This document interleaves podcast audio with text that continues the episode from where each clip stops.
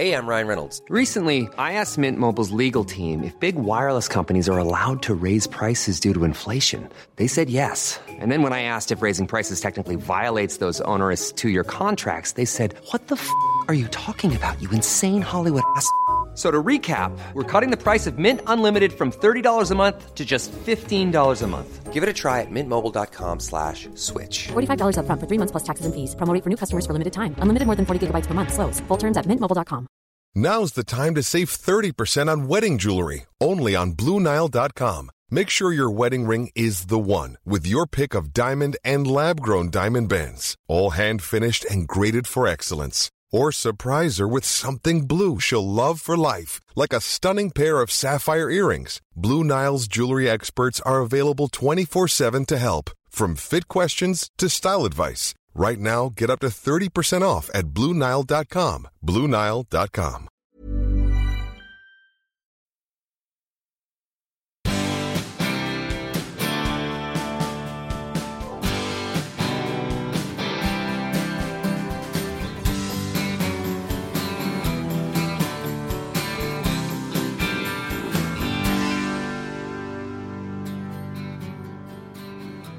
pratat med min familj om att så här, så här ska pappas begravning vara. Så här gör vi om det finns något att begrava och så här gör vi om det inte finns något att begrava. Den stämningen går ju att skära i. Bara för att man konstaterar att jag har inte gjort fel betyder inte att man har gjort rätt. Och det är nog väldigt många som behöver förhålla sig till. Och mänskliga värden. Vad, vad är vi ytterst villiga att försvara och hur långt är vi villiga att gå? Är det rimligt att vi, att vi skjuter ihjäl pirater för att, för att mat måste in till ett flyktingläger? För det är den situation som, som vi faktiskt stod i. Det finns intervjuer och det finns intervjuer där håret på armarna reser sig. Det här samtalet tillhör definitivt den senare kategorin. Realistiska berättelser från Estonia och piratjakt utanför Somalias kust blandas med djupa tankar och funderingar kring liv, död och dilemman som man har svårt att föreställa sig. För i vilken pärm hos Försvarsmakten hittar du manualen för piratjakt? Eller fliken “Så här sätter du ihop en helikopterdivision utan befintliga resurser”. Du hittar heller inte boken “Fem tips om hur du hjälper svältande flyktingar fast riksdagen har bestämt att det är förbjudet” med telefonnumret till Stefan Löfven som bilaga. Vi pratar också om bilden av svenska soldater som delar ut nallebjörnar, att skriva deckare, hur nära Robert var att bli amerikan och varför han mår dåligt av att se Jolly Roger på en svensk segelbåt i skärgården. Det här avsnittet är inspelat på poddens bas i Stockholm, eminenta Nordic Light Hotel som än en gång har tillhandahållit konferensrum, kaffe och fantastisk service. Här kommer Robert Karel.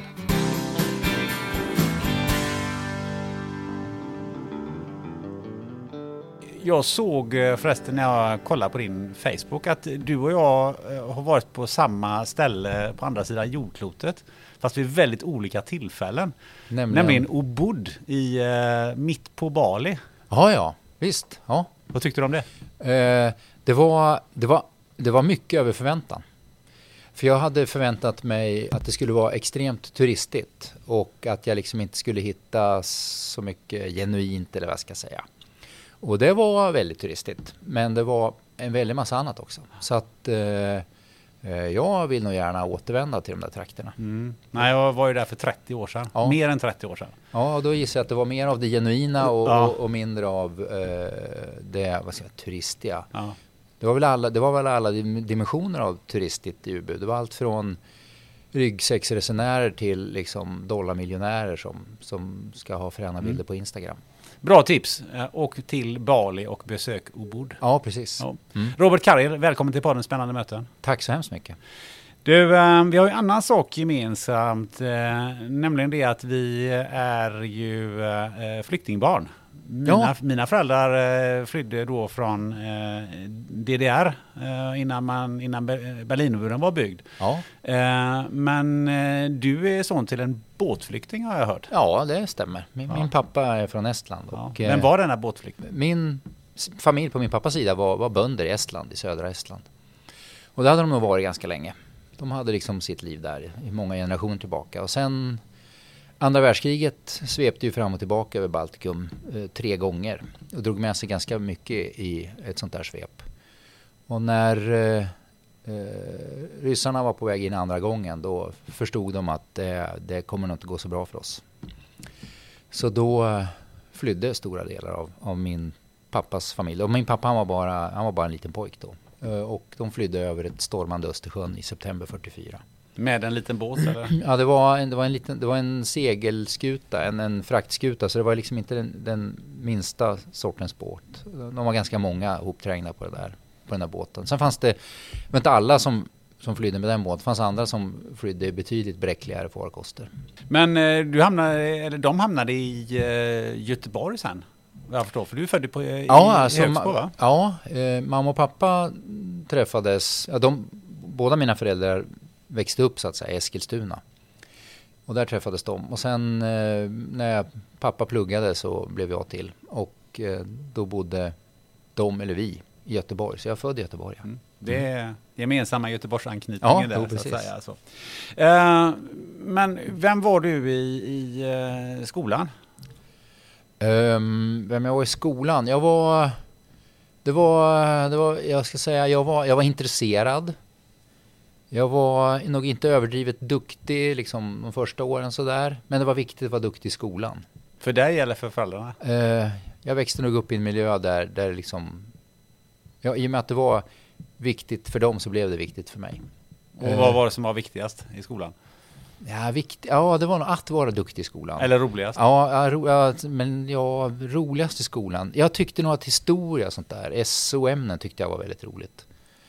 Eh, jag var ganska duktig på matte, men det var liksom, det var lite mer sådär en egenskap, inte ett jätteintresse. Eh, nu pratar vi typ grundskolan, Ja. sådär. Ja, nej, jag var, jag var någon, någon, någon snubbe i den, liksom, i den övre mitten, tror jag, resultatmässigt. Men den snubben eh, blev så småningom ganska intresserad av att eh, flyga. Ja, eh, när jag gick på gymnasiet så åkte jag som utbytesstudent till USA. Bodde ett år i Los Angeles och eh, i den familjen som jag bodde så fanns det två, två äldre bröder, de var några år äldre. Och den yngsta av dem där, Bob, han hade precis börjat i amerikanska flygvapnet. Så eh, jag var med på lite baser där han gick sina grundutbildningar och tyckte att det verkar, ju- verkar lite kul. Och sen så eh, eh på min high school som jag gick, så eh, liksom där i närheten så fanns någon sån här rekryterare till amerikanska flottan var det. Och jag vet inte hur mycket täckning han egentligen hade för det här, men han, han lanserade liksom ett program där för mig där jag skulle börja i amerikanska flottan och så skulle de bjuda mig på fyra års college. Och under den där tiden så skulle jag bli amerikansk medborgare och, eh, och sen så när det där allt, jag har gått min liksom, collegeutbildning och blivit medborgare så skulle jag bli pilot och sen flyga på hangarfartyg och sådär. Det var, var ett rekorderligt program. Och så ringde jag hem till mina föräldrar och lanserade det där och det, det möttes med bara en bedövande tystnad. För de, de var ju tvungna att skriva på det här och det var ju såklart en jättedålig idé. Av många skäl. Men eh, sen så kom jag hem och så visade det sig att det fanns ju lite grann motsvarande saker i Sverige. Och på den vägen var det.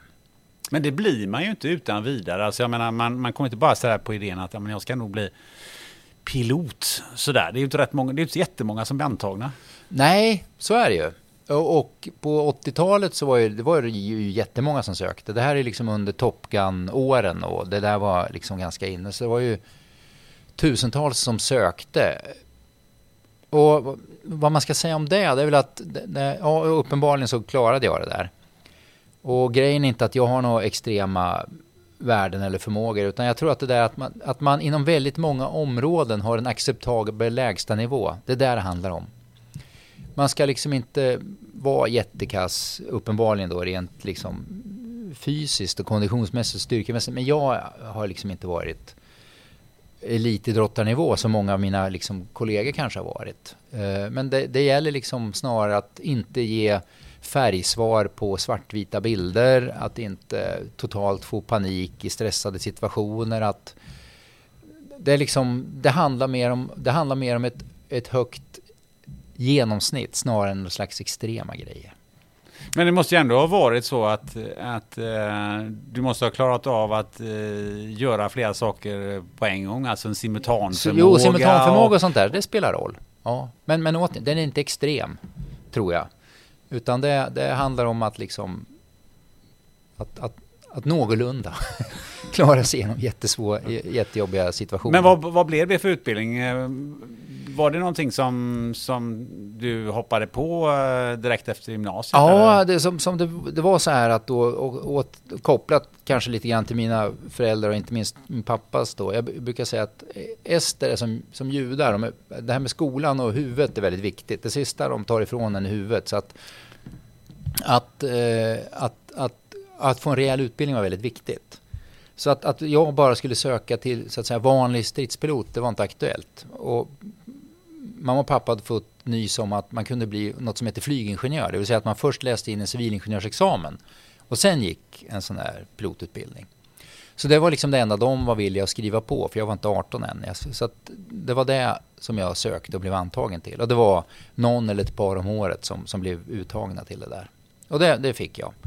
Så att jag, direkt efter gymnasiet så gjorde jag en sommar i, i flygvapnet och sen började jag direkt på KTH här i Stockholm och började plugga teknisk fysik. Och gjorde det i fyra år och på somrarna så var jag i flygvapnet och gick olika utbildningar. Men om man så teknisk fysik det måste vara ändå ganska hygglig i matte om man säger Jo, så. jo, jo, ja, jo, men jag var på gymnasiet efter det här, efter det här utbytesåret som jag gjorde i USA.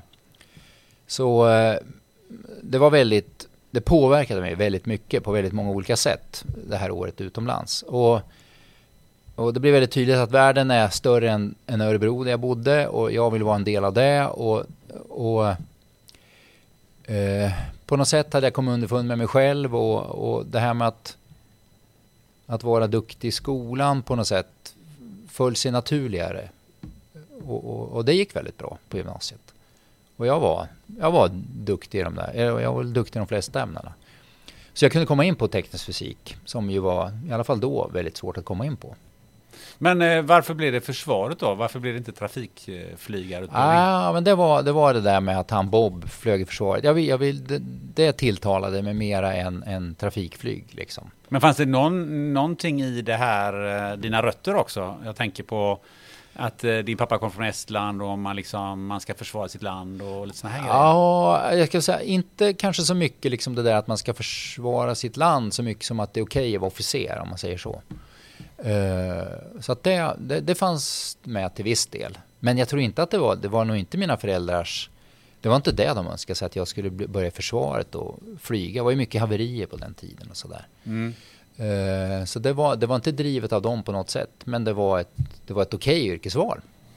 Och efter ett antal år då så, så var du både eh, ingenjör och eh, stridsflygare. Vad fick du flyga för någonting då?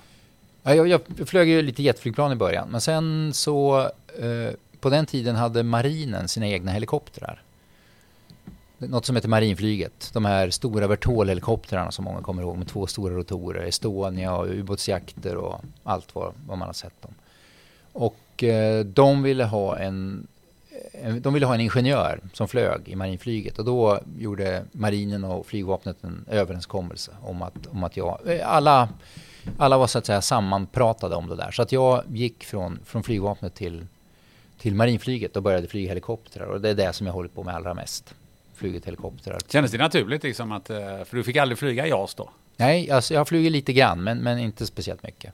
Eh, ja, det kändes naturligt. Och det var också så att för mig så spelade det roll att om jag hade fortsatt som ingenjör i flygvapnet så hade jag hållit på väldigt mycket. Det spåret hade lett till teknisk tjänst, kontorsjobb eh, i högre grad, eller snabbare.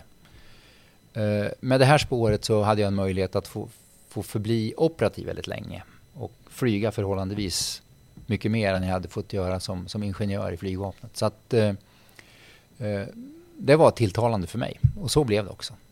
Men sen var jag ju tvungen att gå en utbildning för att, för att gå från flygplan till, till helikopter. För det är inte så att det gör man rakt av. Och det här var någon gång i början på 90-talet? har jag Ja, förstått. ja, det var på 90-talet. Det var 93. 93, 94. Och 94 hände ju någonting. Ja, Estonia tänker du på. Precis. Ja, jag, jag blev väckt strax efter, att nöd, nöd, strax efter midnatt någonstans. Ja, det var, det var, ju, det var ju omtumlande, men, men när något sånt där händer, man börjar inte reflektera över vad det är man befinner sig i, utan man är liksom direkt i det här som är. Så allt som har att göra med Estonia och att liksom reflektera över och att förstå omfattningen på det, det, det är nog någonting som till del kom efteråt. Men, men det innebar att jag direkt åkte till jobbet och där drog ju verksamheten igång för fullt. Och eh, de första helikoptrarna hade ju startat i samband med att, att jag kom till jobbet och sen så var det liksom att strukturera upp allting som skedde där. Och det ledde till att jag och en annan pilot, vi liksom bemannade det som kallas för flygplaneringen. Det som var spinnen i nätet för hela verksamheten. Och eh, ja, sen började helikoptrar åka ut. Och, och man kan väl säga så här att det som, det som gjorde att man liksom insåg omfattningen på det hela var kanske inte de första timmarna utan då kändes allting mera overkligt och, och allmänt osäkert och vad är det egentligen som har hänt och det, det var svårt att få en, en, uppfattning. Men när de första helikoptrarna kom tillbaka och en del var fulla med, en del var fulla med överlevande, liksom bara, bara blicken hos de här människorna. Andra var fulla med döda, ytterligare andra helikoptrar var helt tomma för deras ytberg hade slitits av och var någonstans kvar ute i havet. Så att ens, man visste inte ens om ens kollegor skulle överleva. Och där någonstans förstod man att det här är väldigt stort och väldigt på riktigt och har enorma konsekvenser. Och det är inte klart än. Vi måste fortsätta. Men hur kom det sig att du hamnade just i ledningsfunktion där och inte åkte ut med en helikopter? Eh, det, det, var nog, hade, det, det, var liksom en uppdelning av arbetet. Eh, det var, föll sig nog ganska naturligt att det var så det blev. Liksom. Eh, jag flög lite senare på dagen sen och var ute en sväng. Eh, det var också så att eh, mitt under arbetet så, eh, man är liksom väldigt mycket på jobbet. Så mitt under arbetet så, så eh, kom en kollega med en telefon och sa det, det, det är din hustru. Och jag, jag var liksom helt, var, varför ringer hon? Ja, vad, vad, vad? Vad handlar det här om? Och så tog jag telefonluren och så sa hon att, att Marie är ombord. Eh, och det var en av våra bästa vänner och hon var, hon var höggradigt gravid. Och i och med att, att jag då visste precis vad omständigheterna var där ute så förstod jag vad sannolikheten för att hon skulle överleva var. Att den var i princip noll. Och då, jag, jag nära nog föll ihop på golvet liksom. Mm. Det, var, det var så oväntat. Det blev liksom så oerhört personligt. Och ja, jag behövde en liten stund och, och, och liksom samla mig.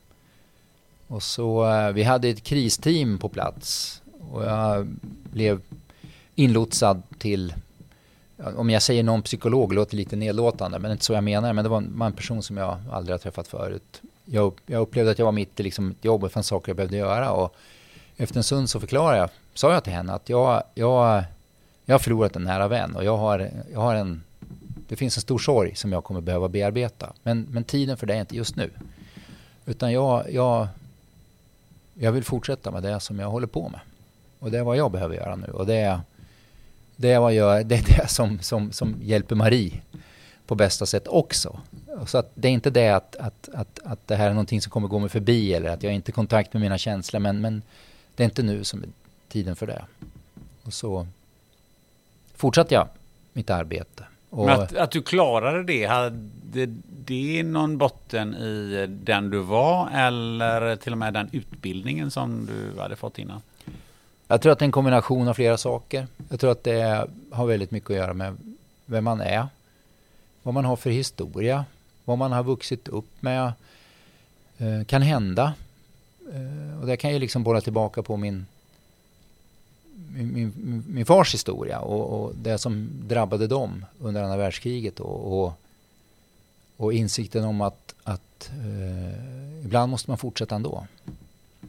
Och, och i jämförelse med det så, jag person, alltså jag var ju drabbad för att ha förlorat en nära vän, men jag var ju inte hotad eller i någon svår situation på det sättet.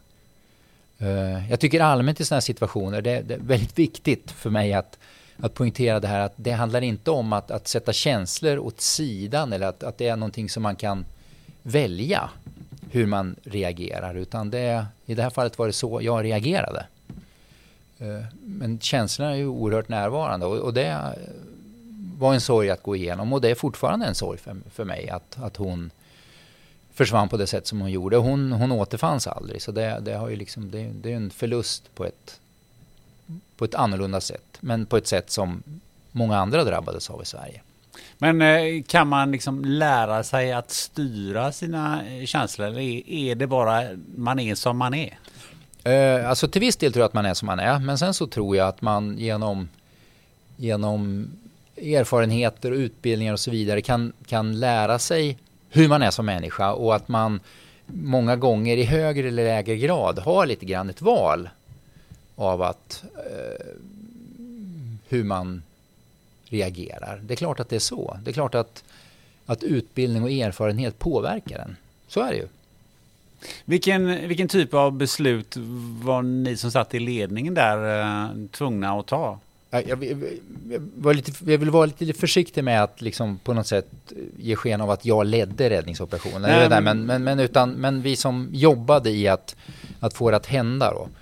Uh, ja, en sak som blev väldigt tydlig fort, det var att normalt sett varje helikopter har med sig en ytbärgare ut under de omständigheter som var, med det här oerhört svåra vädret, höga vågor, eh, utrustning som gick sönder, utrustning som var bristfällig, så den svaga länken blev väldigt ofta ytbärgarna så tillvida att de, inte att de är en svag länk, utan att de var så oerhört utsatta och blev så uttröttade att vi behövde ha två ytbärgare per helikopter. Det var också så att i samband med att den andra vågens helikopter skulle gå ut, de första hade kommit tillbaka, tankat upp, eh, så var det så att det var ett antal ytbärgare som de var kvar där ute. De hade slitits av, så vi visste inte var de var. Och att då ringa in så mycket ytbärgare som möjligt, och det var ju så att om det var någon som gick en utbildning i Stockholmsområdet, det, det var inte meningen att de skulle hålla på med någon helikoptertjänst. Vi fick dem till, till Berga och utrustade dem. Och sen så radade vi upp dem i, i det här flyg... Eh, I eh, det här rummet som vi satt, två och två. Och sen så när det var dags för en ny helikopter att starta så skickade vi ut två till varje helikopter under en väldigt stark känsla av att det är inte säkert att vi kommer se dem igen. Och de var också medvetna om det. Eh, att ni ska ut och liksom jobba skiten av er. Och eh, om ni kommer tillbaka, det återstår att se. Det tyckte jag var väldigt starkt. Eh, nu kom alla tillbaka och alla ytbärare klarade sig även om, om några stycken blev ganska skadade. Men, men det visste vi inte då. Och eh, vi gjorde det i en, i en, en, en väldigt eh, eh, klarögd medvetenhet om att vi då levde uppfattningen att vi kommer nog förlora några stycken. Men jag tänker på var, var man tränad för den här typen av, av uppgift? Uh, ja, det som i liksom utvärderingarna efteråt, det som, det som vi slogs av var ju att när vi innan Estonia gjorde våra scenarier för vad som skulle kunna hända och gjorde övningar och träna så det värsta som kunde hända i vår värld var att en skärgårdsbåt slog runt. Så att en 20-40 människor är i vattnet. För det var någonting som vi, om vi hade lite tur och vi, och vi liksom eh, genomförde uppdragen på gränsen av förmåga. Det där var ju någonting som vi skulle, faktiskt skulle kunna klara av. Vi skulle kunna reda ut det. Med några helikoptrar och, och, och så vidare och så vidare. Men vi hade ju aldrig ställt oss frågan vad händer om en sån där, alltså även om vi var ute och vinschade och tränade på Finlands och Estlandsbåtarna så var det aldrig så att vi satt ner och på ett seriöst sätt pratade igenom vad innebär det om en sån där slår runt i en höststorm? När det plötsligt ligger tusen människor i vattnet. Och det, det fanns en ganska stor självkritik i de där diskussionerna. Men, men så här i efterhand så kan jag konstatera att jag tror att det är ganska mänskligt att man inte planerar för en total katastrof. För om man har tusen människor i vattnet under en sån där höststorm, det spelar ingen roll hur man, hur man gör. Det kommer vara en fullständig katastrof och tragedi ändå. Och som människor gör vi inte så att vi planerar för någonting som kommer vara ett fullständigt misslyckande. Vi är inte funtade att göra det. Så att jag tror att det där var liksom någonting som är mänskligt. Eh, och med det sagt så, nej vi var inte tränade för att genomföra Estonia, för det man kan inte träna det är väldigt svårt att vi hade, I efterhand så fanns det saker som vi förändrade saker i våra övningar, utrustningar, utbildningar, rutiner och så vidare för att bli bättre. Men att liksom träna fullt ut för något sånt, det, det är lite grann som att, liksom bli trä, att träna på att bli skjuten. Det, det, det finns ett antal begränsningar med, med ett sånt scenario som gör att det blir för farligt att träna. Men fanns det några andra sådana här dilemman som du fick eh, vara med och eh, så att säga, ta beslut om? Eller fick var, varje helikopterpilot där ute ta de besluten som, som man behöver helt enkelt? Alltså, någonting som ofta dyker upp är, okej, okay, om, om, för en situation som kan uppstå är att en helikopter når en flotte med väldigt många i och att, eh, att man har bara bränsle för att stanna tio minuter. Så att när man kommer på plats så vet man att vi kommer inte få upp alla. Ja, hur väljer man? Ja, hur väljer man? Ja. Och, och det där är ju ett klassiskt, nästan filosofiskt dilemma som man brukar ha på eh, min, min bonusdotter Eh, häromdagen sa att de hade pratat i skolan om att eh, just det här med att det är en livflotte och man kan bara rädda fem av tolv och vilka tar man och, och en är knarklangare och en är ett sjuårigt barn och en är en äldre man som har, eh, råkar ha lösningen på cancerns gåta i sitt huvud och, och det ena med det tredje. Och i verkligheten så är det ju inte så att man skickar ner ytbärgaren och så går han runt och intervjuar och så har man liksom ett, någon slags råd där om vilka har mest rätt att leva utan det är, eh, det är väldigt svåra beslut under extrem press, men som ändå ytterst handlar om vem är sämst däran? Vem har minst chanser att, ja, naturligtvis, de här är förmodligen döda, så de tar vi inte. Men vilka är sämst däran och har, har ändå chans att överleva? Och då är det oavsett ålder, utbildning eh, och allt det där andra som, som man varken vill eller kan förhålla sig till. Så att besluten där och då är inte så svåra som man kanske kan tro, utan det handlar om att, att identifiera de som kan, som kan klara sig. Och sen är det naturligtvis så att så fort man inser att det här är den situation man står i, vi kommer inte få upp alla, så pratar man med, med, med, med räddningsledning, andra helikoptrar och så vidare så att man försöker få till att det kommer någonting annat. Men det är ju flera överlevande som har, som har eh, vittnat om att de var i en flotte där liksom folk blev uppvinschade och de förstod ju inte vad som hände och de var kanske inte mottagliga heller och det var kanske inte någon som förklarade heller. För det fanns inte utrymme för det. Men, men rätt vad det är så, när några blivit uppvinschade så bara försvinner helikoptern. Och så känner de att ja, liksom, de har kämpat så länge så att, så att livsviljan på något sätt rinner ur dem. Mm. Uh, och sen dyker upp en helikopter lite senare som, som gör att de då kan berätta den här historien. Men det, den, typen av opera, den typen av beslut är alltid ute i, i helikoptrarna på plats bland de som är operativa. För det är bara de som vet exakt vad det är de står i och vad omständigheterna är. Uh, och det är ju där som också de, de verkliga hjältedåden är. När folk uppoffrar sig. Ytbergare som stannar kvar på en flotte uh, i väntan på att ja, men jag stannar här med dem, håller liv i dem. Mm. Uh, väl medveten om att eh, det där kan sluta med att alla, inklusive jag själv, går åt. Mm. Eh, men andra typer av, eh, någonting som, som hände som efterhand ett intressant fenomen var att, att i och med att, som jag sa, den här första vågen helikopter, helikopter kom tillbaka och man förstod hur illa de överlevande var däran. Så de behövde ju kvalificerad medicinsk vård omedelbart att de kom upp i vattnet. Och det hade inte vi möjlighet att ge helikoptrarna för besättningen var fullt, var fullt upptagen med att, att, att bara flyga och vinscha upp människor. Så vi behövde läkare. Vi behövde kvalificerad medicinsk personal i helikoptrarna. På ett sätt som, som, som vi inte hade möjlighet till. Och då fick bland annat jag och en till ringa runt till sjukhusen i Stockholmsregionen för att få loss typiskt narkosläkare och narkossköterskor. Och i samband med det där så var det egentligen två typer av svar som vi fick. En del svarade att ja, vi förstår precis situationen. Eh, vi avbryter liksom vi, de planerade operationerna som är idag, de, de, de, de, ställer vi och sen så skickar vi ut personal med, med polis. Liksom, polisen kom och hämtade eh, dem med, och körde dem med blåljus till Berga och så ut och jobba. Medan några andra då svarade att nej, nej, det där är inte vårt jobb. Eh, vi, vi ska ta hand om liksom folk som kommer till sjukhuset och då, det kommer vi göra väl, men ni får se till att de kommer hit. Och det är att man, just det där med att man i en extrem situation när det man är van vid inte längre gäller. Att man svarar med vad jag brukar kalla för struktur. Man bläddrar i permen och ser vad, vad är formellt vårt åtagande. Ja, vårt åtagande är att, att vårda människor på det här sjukhuset. Och, och, vi ska inte skicka ut någon någonstans för det står inte.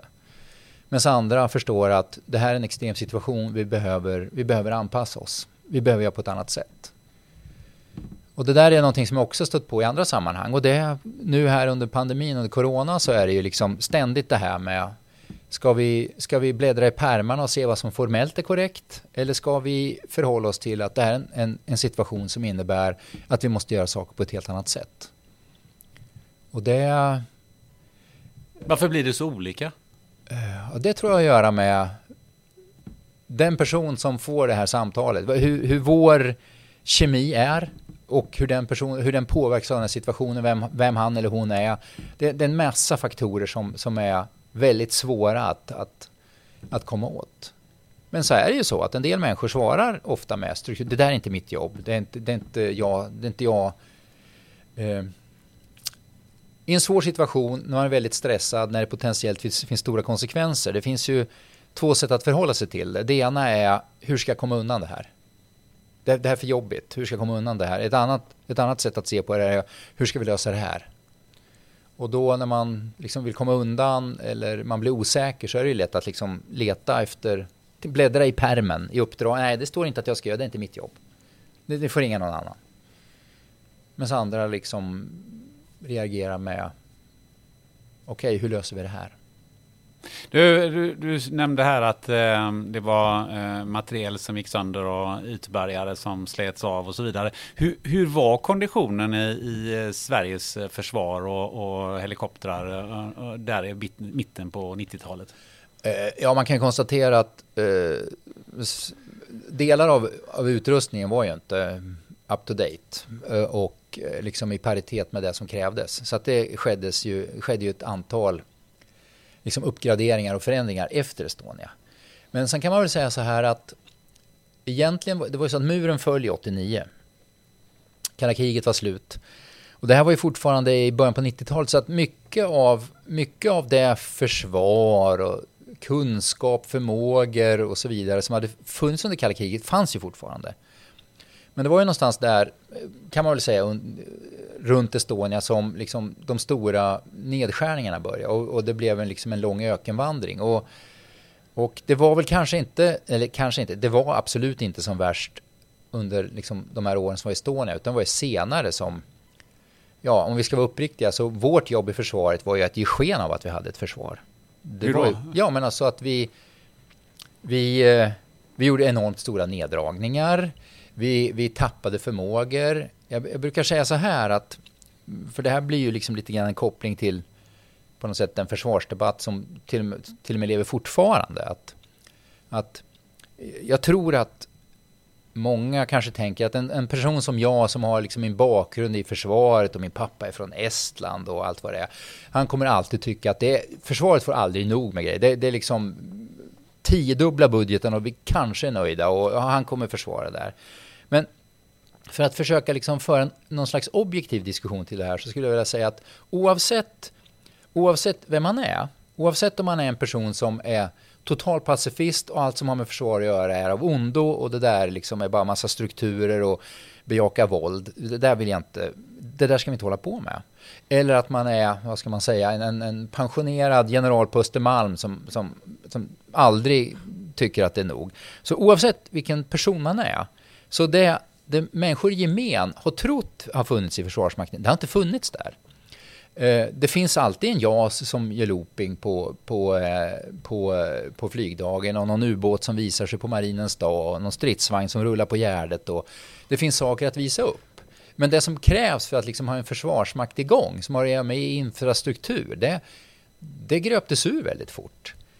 Så att eh, det man tror har funnits i Försvarsmakten, det, det har inte funnits där. Och, och, det som behövs för en försvarsmakt, det har sak, eller så sakta, ganska fort men och väldigt säkert tagits bort. Nu, nu håller det där på att ändras, men, men det innebar att, att under många år så i Försvarsmakten så var det så att vi Uppdraget var ju fortfarande att, liksom att vi skulle ha ett försvar och det kom ganska mycket pengar kan man ju tycka, 40 miljarder varje år. Men, men det var ungefär som att om man tänker sig att man, säg att man har ett enormt stort sjukhus i en stad. Eh, och sen så får man drastiskt förminskad budget, men uppdraget är detsamma. Då måste man liksom välja vad man gör. Det var, eller en bättre liknelse, det är att säga så här, du, du, du får i uppdrag att, att ordna en fest hemma. Och så sitter man och går igenom att ja, det ska vara förrätt och någon fördrink och sen vi ska ha oxfilé. Och sen så till efterrätt så ska det vara chokladmousse och, och avec och konjak och allt möjligt. Och man är helt överens med den som ger en uppdraget att det här ska Och sen så, så får man 500 kronor att gå och handla för. Och så ser man att det här räcker ju inte när man står här. Det är omöjligt. Då måste man ju liksom fatta beslut om vad ska vi välja. Och sen när man vid, vid något tillfälle när man, liksom, när, när, man, när man synas. När den som är ett uppdrag säger, men vad är det här? Här är ju ingen fördrink. Jag sa att det skulle vara fördrink. Ja, men för, liksom, det kostar ju det kostar ju 200 spänn att köpa en sån där flaska mousserande som du sa. Ja, men du har ju fått 500. Det räcker ju. Det kostar bara 200. Så oavsett, oavsett när, man, när man granskas så har man, ju, man har ju valt bort massa grejer. Det har fallit bort. Men man kommer, alltid få, man kommer alltid få skit för det som man har misslyckats med. Och man måste hela tiden spela ett spel där man liksom ska ge sken av att allt det här finns som är omöjligt att upprätthålla. Och det var, det var väldigt frustrerande upplevde jag under, under väldigt många år. Det var, det var något ohedligt i det. Och det tycker jag var ohedligt i, gentemot den svenska allmänheten. Att vi, vi och politikerna, både försvaret och politikerna till, till, viss, liksom till stor del, ägnade oss att ge sken av att, hålla, att vi hade någonting som vi inte hade. Och naturligtvis var det så att vår omvärld och det som liksom är potentiellt motståndare, de har ju superkoll på vad vi hade och inte hade. Så att det var ju bara oss själva vi lurade. Ingen annan. Men vad blev resultatet av det i ditt arbete? Ja, det, alltså mitt, jag, jag var ju på, jag, jag var ganska operativ de åren och, och, och liksom flög och höll på med det. Men det var ju liksom att vi hade väldigt lite flygtid, att, att stora övningar planerades. Det var alltid så att man, i planeringen så hade man alltid stora övningar och det skulle köpas material och jösses här, just idag är det dåligt. Just i år är det dåligt, men här om tre år, titta här i planerna, allt det här fantastiska kommer ske. Och när det är vår så är det ju en stor, jättebra övning på hösten. Men sen när man liksom närmar sig så ställdes den där övningen. Och material köptes in senare, eller liksom, man sköt till. Så det blev ju aldrig så att det var ju aldrig så att man fick göra den där stora övningen. Det var ju aldrig så att den där materialen man pratade om kom, utan allting sköts på. Så det blir ju, och upplever man det där år efter år. Eh, just i år får ni inte flyga så mycket, men nästa år, herrejösses vad ni ska få flyga. När man har upplevt det där några gånger att det inte blir så, då blir det ju ja, det, blir en, det blir en slags uppgivenhet. Eh, det blir, det blir ja, det känns inte så bra. Blir det farligare att flyga? Eh, ja, absolut.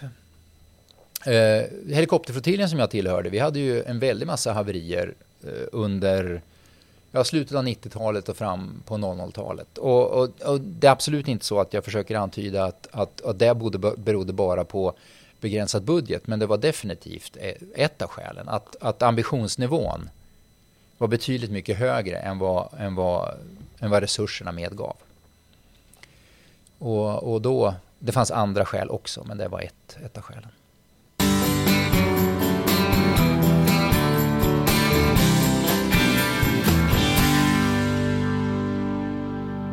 Ska du resa utomlands närmaste tiden? Eller vill du snabbt få veta om du är coronasmittad? Då tycker jag du ska spana in sajten coronapassport.se.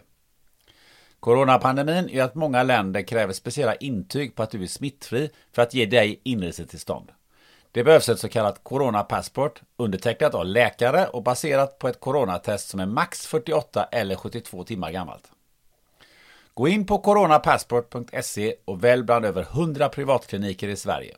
Beställ tid så nära in på din resa som möjligt så att intyget blir färskt. Kliniken testar dig och skickar provet till Tata Biocenter, ett akkrediterat laboratorium som erbjudit coronaanalyser sedan februari 2020. Så fort resultatet är klart, och det går alltid undan, då får du ett friskhetsintyg från din klinik förutsatt att du inte bär på coronavirus. På coronapassport.se så hittar du också aktuell reseinformation och generella råd från UD. Och du, glöm inte munskydd! Finns på coronapassport.se numera även med nanofilter som till och med filtrerar virus. Tack coronapassport.se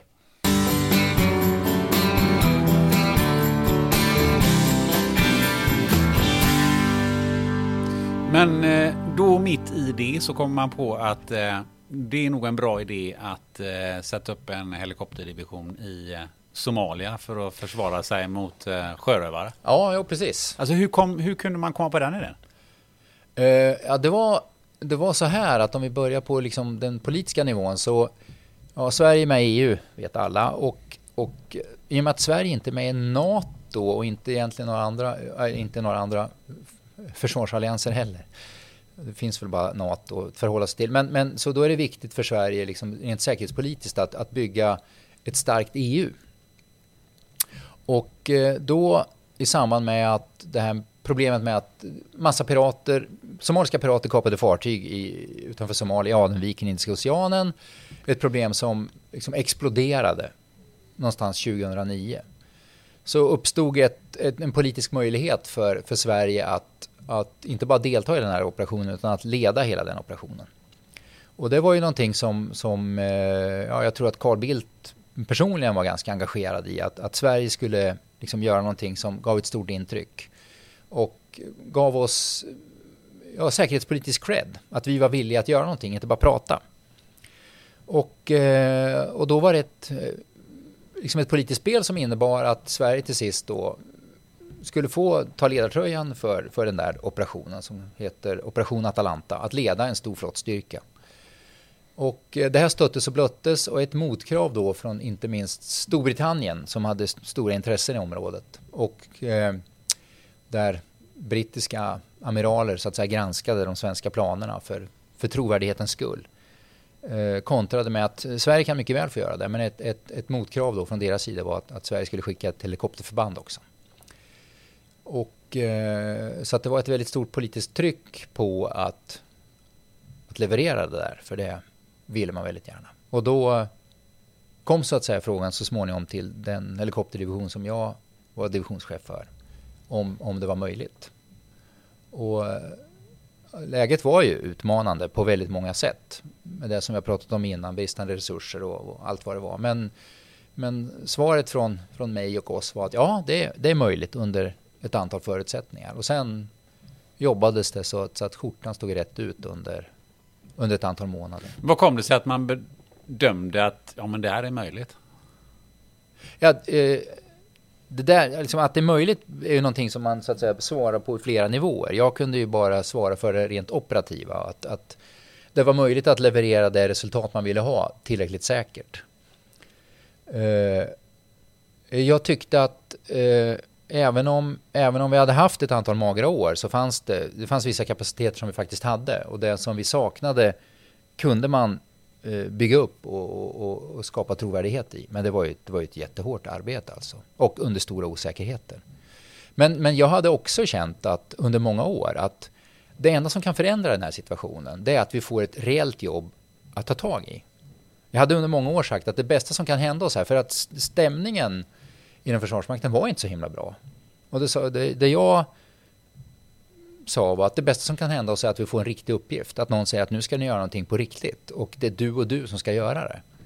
Och då när det här uppstod så kände jag att ja, men nu har ju det här tillfället uppstått. Nu kan ju, då, då måste jag ju walk the talk. Att, att, att, att, anpassa mig till det. Men jag menar, eh, vad visste du om att jaga sjörövare? Nej, ingenting. Och det fanns ju inte direkt någon heller att fråga. Men eh, vi byggde ett pussel som hade att göra med att, att liksom bygga upp förmågor. Vad är det som kan krävas? Vilka erfarenheter finns det? Vad, vad, är jämförbara typer av uppdrag? Vem i världen vet något om det här? Och genom att fråga, öva, ta in kompetenser, eh, skapa rimliga förväntningar hos oss själva och, och, andra. Att, att bygga någonting stegvis. I början kan vi det här för att så småningom lära oss det här och så vidare. Så så eh, kunde vi, som man säger, leverera någonting som, som faktiskt internationellt blev väldigt omtalat. Både under det att det pågick och, och efteråt. Men det är ju liksom ingenting som man bara eh, sådär säger, ja men det här kan vi nog bygga upp, för det finns ju någonting annat också, men det är ju rätt så farligt. Ja, jo, det är klart att det var det. Det var jättefarligt. Hur, hur reagerade ni på det? Vad, vad, vad tänkte ni om det? Um, det, det, är klart att det påverkade. Det är klart att det var mycket oro. Folk var oroliga och rädda och det var, det var jag också. Eh, men eh, vi kände genuint att den situation som var, var ju kritisk. Det var ohållbar. Hundratals människor satt gisslan under fruktansvärda omständigheter. Och eh, mat in till Somalia kom inte in. Så att eh, liksom, situationen i de här flyktinglägren var ju fruktansvärd.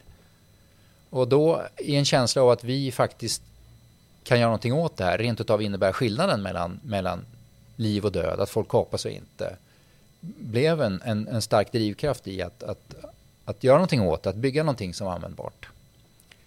Eh, men också att en känsla av att det här kan vi faktiskt göra under ett rimligt risktagande. Det var definitivt inte ofarligt, det var jättefarligt. I den där miljön så finns det väldigt många sätt att dö på. Men att, att, att adressera och prata om det öppet och att, och att agera på det som vi hade gjorde att det var möjligt att göra. Vad var det som kunde vara farligast, trodde ni då? Ja, det var väl egentligen dels det här med att starta och landa på fartyg under i hårt väder är väldigt svårt. Och sen också eh, i de situationer där, eh, där man kommer i kontakt med tungt beväpnade pirater och, och en situation går överstyr så att det blir väldigt mycket skjutande. Det är väl de två situationer som liksom är ytterligheterna att, att förhålla sig till och som man måste träna, öva och utrusta sig för. Eh, men det är naturligtvis också så att det där innebar, det är också ett, den där förberedelsetiden innebär också en mental resa där man, där man förhåller sig till det som är ytterst kan hända. Eh, jag har suttit hemma vid liksom mitt köksbord i, eh, i förorten här i Stockholm och pratat med min familj om att så här, så här ska pappas begravning vara. Så här gör vi om det finns något att begrava och så här gör vi om det inte finns något att begrava. Den stämningen går ju att skära i. Och det är en, det är en lite ovanlig situation för liksom ett, ett Sverige i djupaste fred. Att man pratar om det på ett sätt som där alla kring bordet verkligen känner att det är någonting som inte osannolikt. Du har barn? Ja. Hur gamla var de då? De var 13 och 17. Hur reagerade de? De var, de var, för dem var det jobbigast. Speciellt min äldsta dotter, eller jag ska säga, för, nej, inte speciellt, för, för båda döttrarna. Eh, att jag valde att göra något sånt där som innebar att de kunde förlora mig. Att de inte förstod varför jag känslomässigt liksom valde bort dem för det här.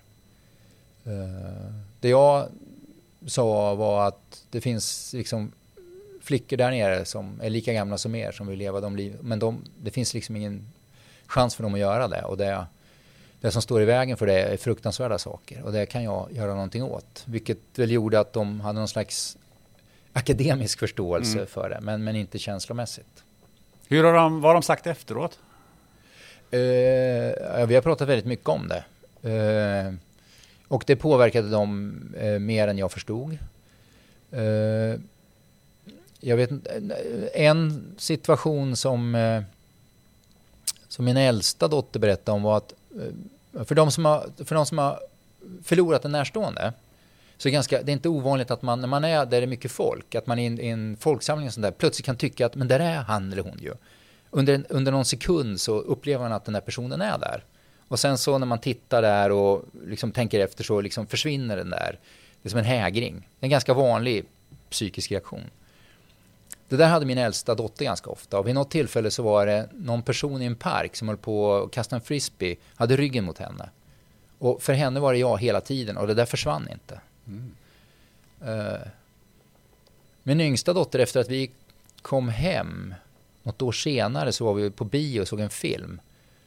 Eh, Interstellar, om det är någon som vet vad det är för film, Christopher Nolan. Men det, eh, en, en del av handlingen är att eh, pappan ska lämna hemmet och, och, och, han har sin dotter och, och vi, vi, när de skiljs åt så förstår båda att han nog kanske inte kommer tillbaka. Och när det där, de där scenerna var i biografen så det var oerhört starkt. Och jag upplevde att jag och min dotter reagerade väldigt starkt på det där. Vi satt och höll varandra i handen. Men publiken i övrigt hade inte samma starka reaktion. Och efteråt när vi pratade om det i bilen hem, jag sa så här, det där, det var, jag fick en känsla av att vi känner någonting som de andra inte kände. Vad, vad tror du det berodde på? Och då sa hon liksom glasklart att ja, men de har nog aldrig upplevt att de har tagit farväl av sin pappa och inte tror att han ska komma tillbaka. Eh, så det där har ju såklart varit starkt. Samtidigt så när jag kom tillbaka hem då, när jag liksom kom hem efter det här. Eh, jag kom hem en sommardag, var i juli. Jag klev ur en taxi hemma och jag gick, ut, jag gick in i trädgården. Först så kom min, min hund. Och tog något varv runt mig, liksom som en okänd först. Och sen kände han igen mig och började vifta på svansen. Och sen så kom min yngsta dotter eh, ut på gräsmattan. Och den, den kramen, den, den kommer jag komma ihåg hela mitt liv. Precis hur den kändes. Och det var också någonting, en, en reflektion jag gjorde där och då. Att, att jag under hela den här tiden som det hade pågått, för jag var borta ganska länge, så det var, det var två saker som jag saknade. Det ena var att varje dag när jag vaknade på morgonen i min hytt så öppnade jag eh, hyttventilen och tittade ut. Och varenda dag så var det bara ett tomt hav. Och jag var liksom, varenda morgon var jag på något sätt förvånad över att, att det var det jag såg. Samtidigt så varför skulle jag se någonting annat? Och jag saknade, och varje gång jag såg land så var det Somalia öken, så det innebar det var farligt. Så jag saknade att gå i skogen. Det var en sån där, att, att få bara gå i en skog. Det saknade jag jättemycket. Och sen så saknade jag att aldrig kunna slappna av. För oavsett tid på dygnet, oavsett om jag så att säga jobbade eller om jag var ledig en stund så var jag ändå chef för verksamheten. När som helst kunde någon komma till mig och så hade det hänt någonting och oftast var det inget bra. Så det där med att aldrig slappna av på ett halvår, det tar hårt på krafterna. Så det såg jag väldigt mycket fram emot, att få komma hem och slappna av. Att vara i en situation där jag inte ständigt måste vara redo på något sätt. Men när jag kramade om min, min yngsta dotter så, så kände jag väldigt starkt det här med, med mänsklig beröring.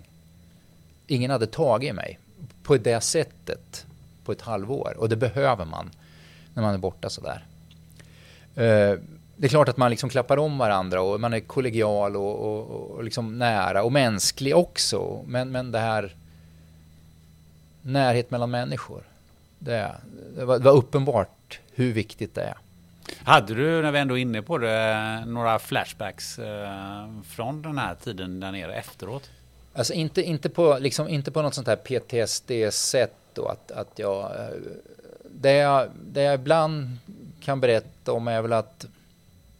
Eh, att, att senare, på, jag kom, som, jag hem, jag, som jag sa, jag kom hem i början på juli. Eh, någonstans i eh, augusti tror jag så var jag nere i någon småbåtshamn. Så här, du vet, på sommaren är fullt med båtar och en del båtar de har en sån Jolly Roger, en piratflagga på skoj såklart. Och det har jag ju sett hela mitt liv och ja. Men när jag såg det där då så jag, det var en del av mig som blev reagerade ganska starkt. Det där är inget roligt. De förstår inte vad det är de liksom hur, vad ska jag jämföra med? För mig kändes det lite grann som att, som att se naziflaggan och eller sånt där, att det är förknippat med massa dåliga saker. Och det överraskade mig. Jag tänkte, men det, de, alltså en annan del av mig, mitt, mitt rationella jag, Robert, liksom, men vad håller du på med? De, det där är bara på skoj, det har ingenting med det där att göra. Men sen en annan del, liksom, bara, det där är inget roligt. Det där, vadå pirater? Vad, vad, vad, vadå, vad menar de? Vad, vad är det de vill göra? Vad är det de vill ge sken av? Uh, och det var, det var en så här märklig, lite fånig reaktion. Men såklart med en koppling till det jag hade varit med om. Och, och jag var helt oförberedd på det. Ja, det, det där påminner mig lite om eh, min mor vet jag som har eh, sagt det som eh, också som tysk eh, att se en dödskalle. Ja. Eh, det, det får helt andra associationer än vad ja. vi får kanske tänker på Pippi Långstrump. Eller ja, jo, precis. Jo, men så är det ju. Så är det ju. Eh, men eh, om vi går tillbaka ner till, till Somalia. Vad, vad var det för någonting som mötte er där nere? Ja, det var... Eh, även, om man, även om man har tittat på en, det är flera saker. Alltså en sak är... Även om man har tittat på en karta och insett att man ska operera liksom ett av världens största hav, Indiska oceanen. Så de här avstånden som är över ett gigantiskt hav, de är, de är mycket större än man förstår. Det är bara vatten väldigt länge, även om man flyger. Så man, man blir väldigt liten. Liten på ett sätt som man är ovan vid. Ett, an, ett annat, annat intryck är ju den här enorma fartygstrafiken som är i Adenviken. Det är ju liksom världsekonomins orta. Allt, allt det här som vi allt som vi exporterar, allt som vi köper in, det går ju där nere på enorma fartyg. Så det är ju liksom, om man flyger där över, speciellt i skymningen när det liksom är ljus och sådär, det är som att flyga över E4 en fredagkväll. Men det är ju liksom inte bilar utan det är stora fartyg. att det är liksom en livsnerv som är där. Och sen då dessa piratattacker som, som kommer.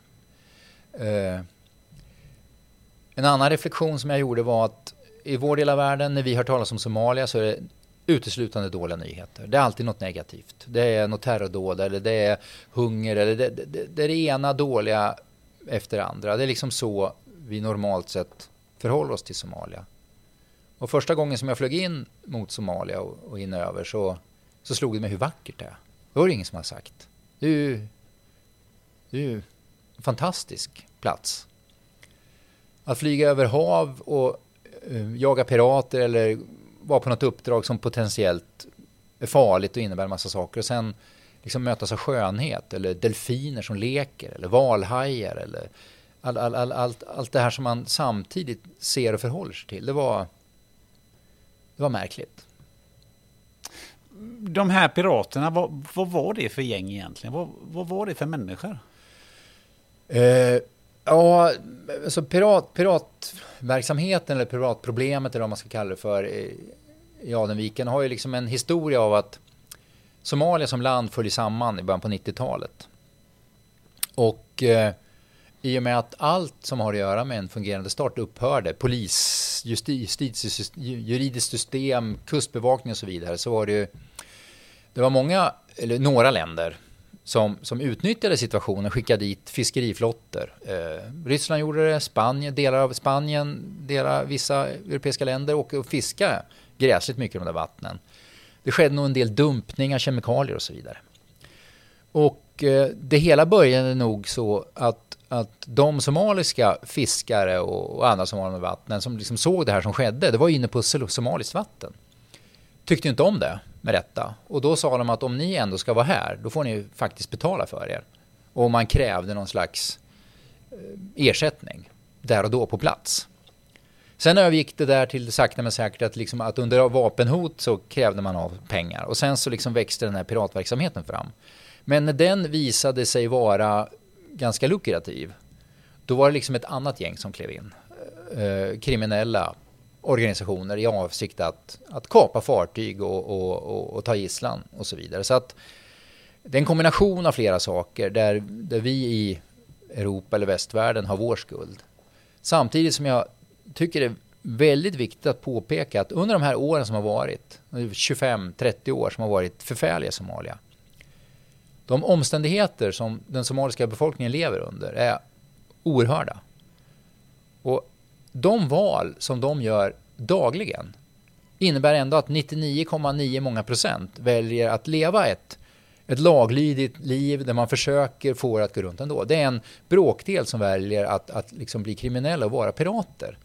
Och det är så lätt att fokusera på piraterna och deras dåd, vilket man såklart gör. Men, men att se alla de här andra som trots allt väljer att inte gå den vägen, det talas det alldeles för lite om.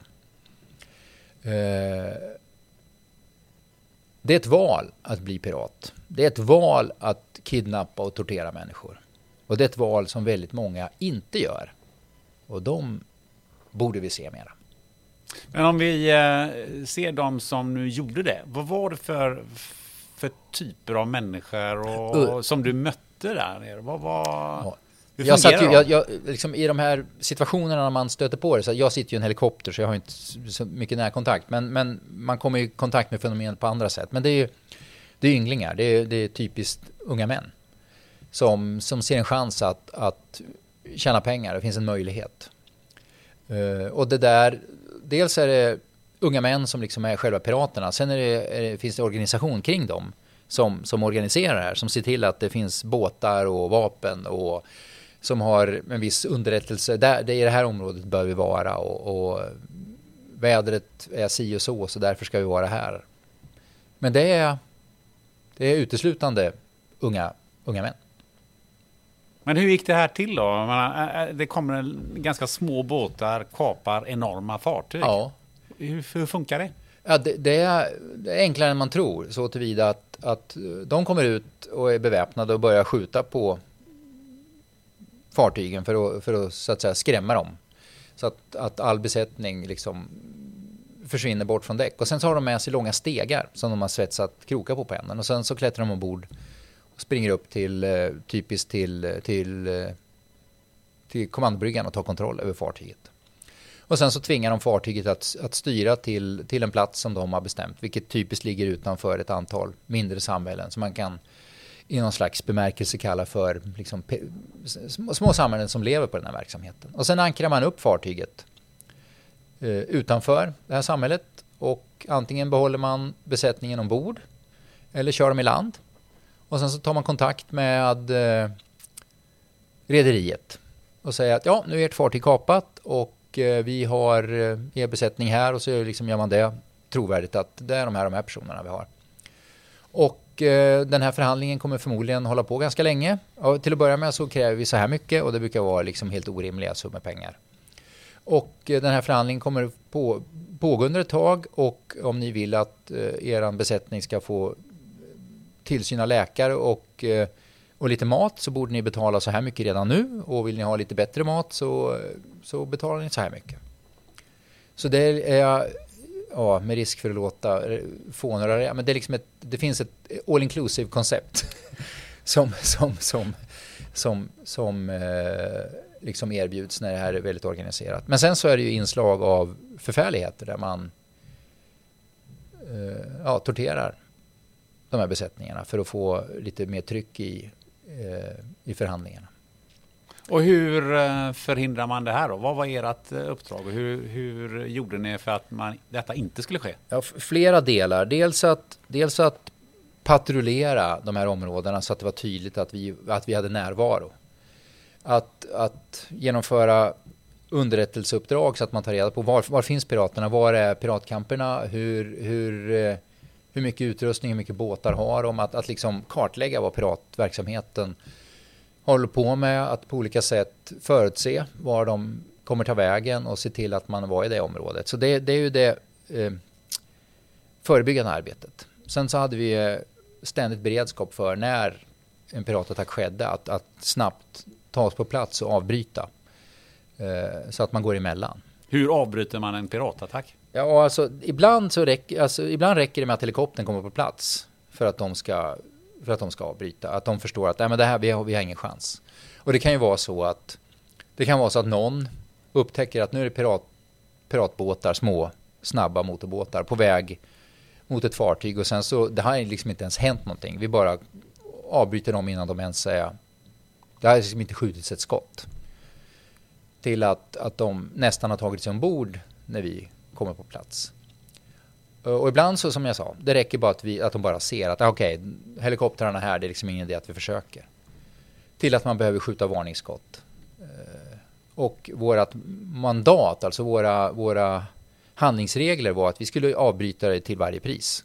Inklusive att skjuta ihjäl piraterna. Men eh, det var inte där man börjar, utan man, man Proportionalitet är någonting som är väldigt viktigt. Har det inte skjutits ett skott finns det ingen anledning för oss att skjuta ett skott.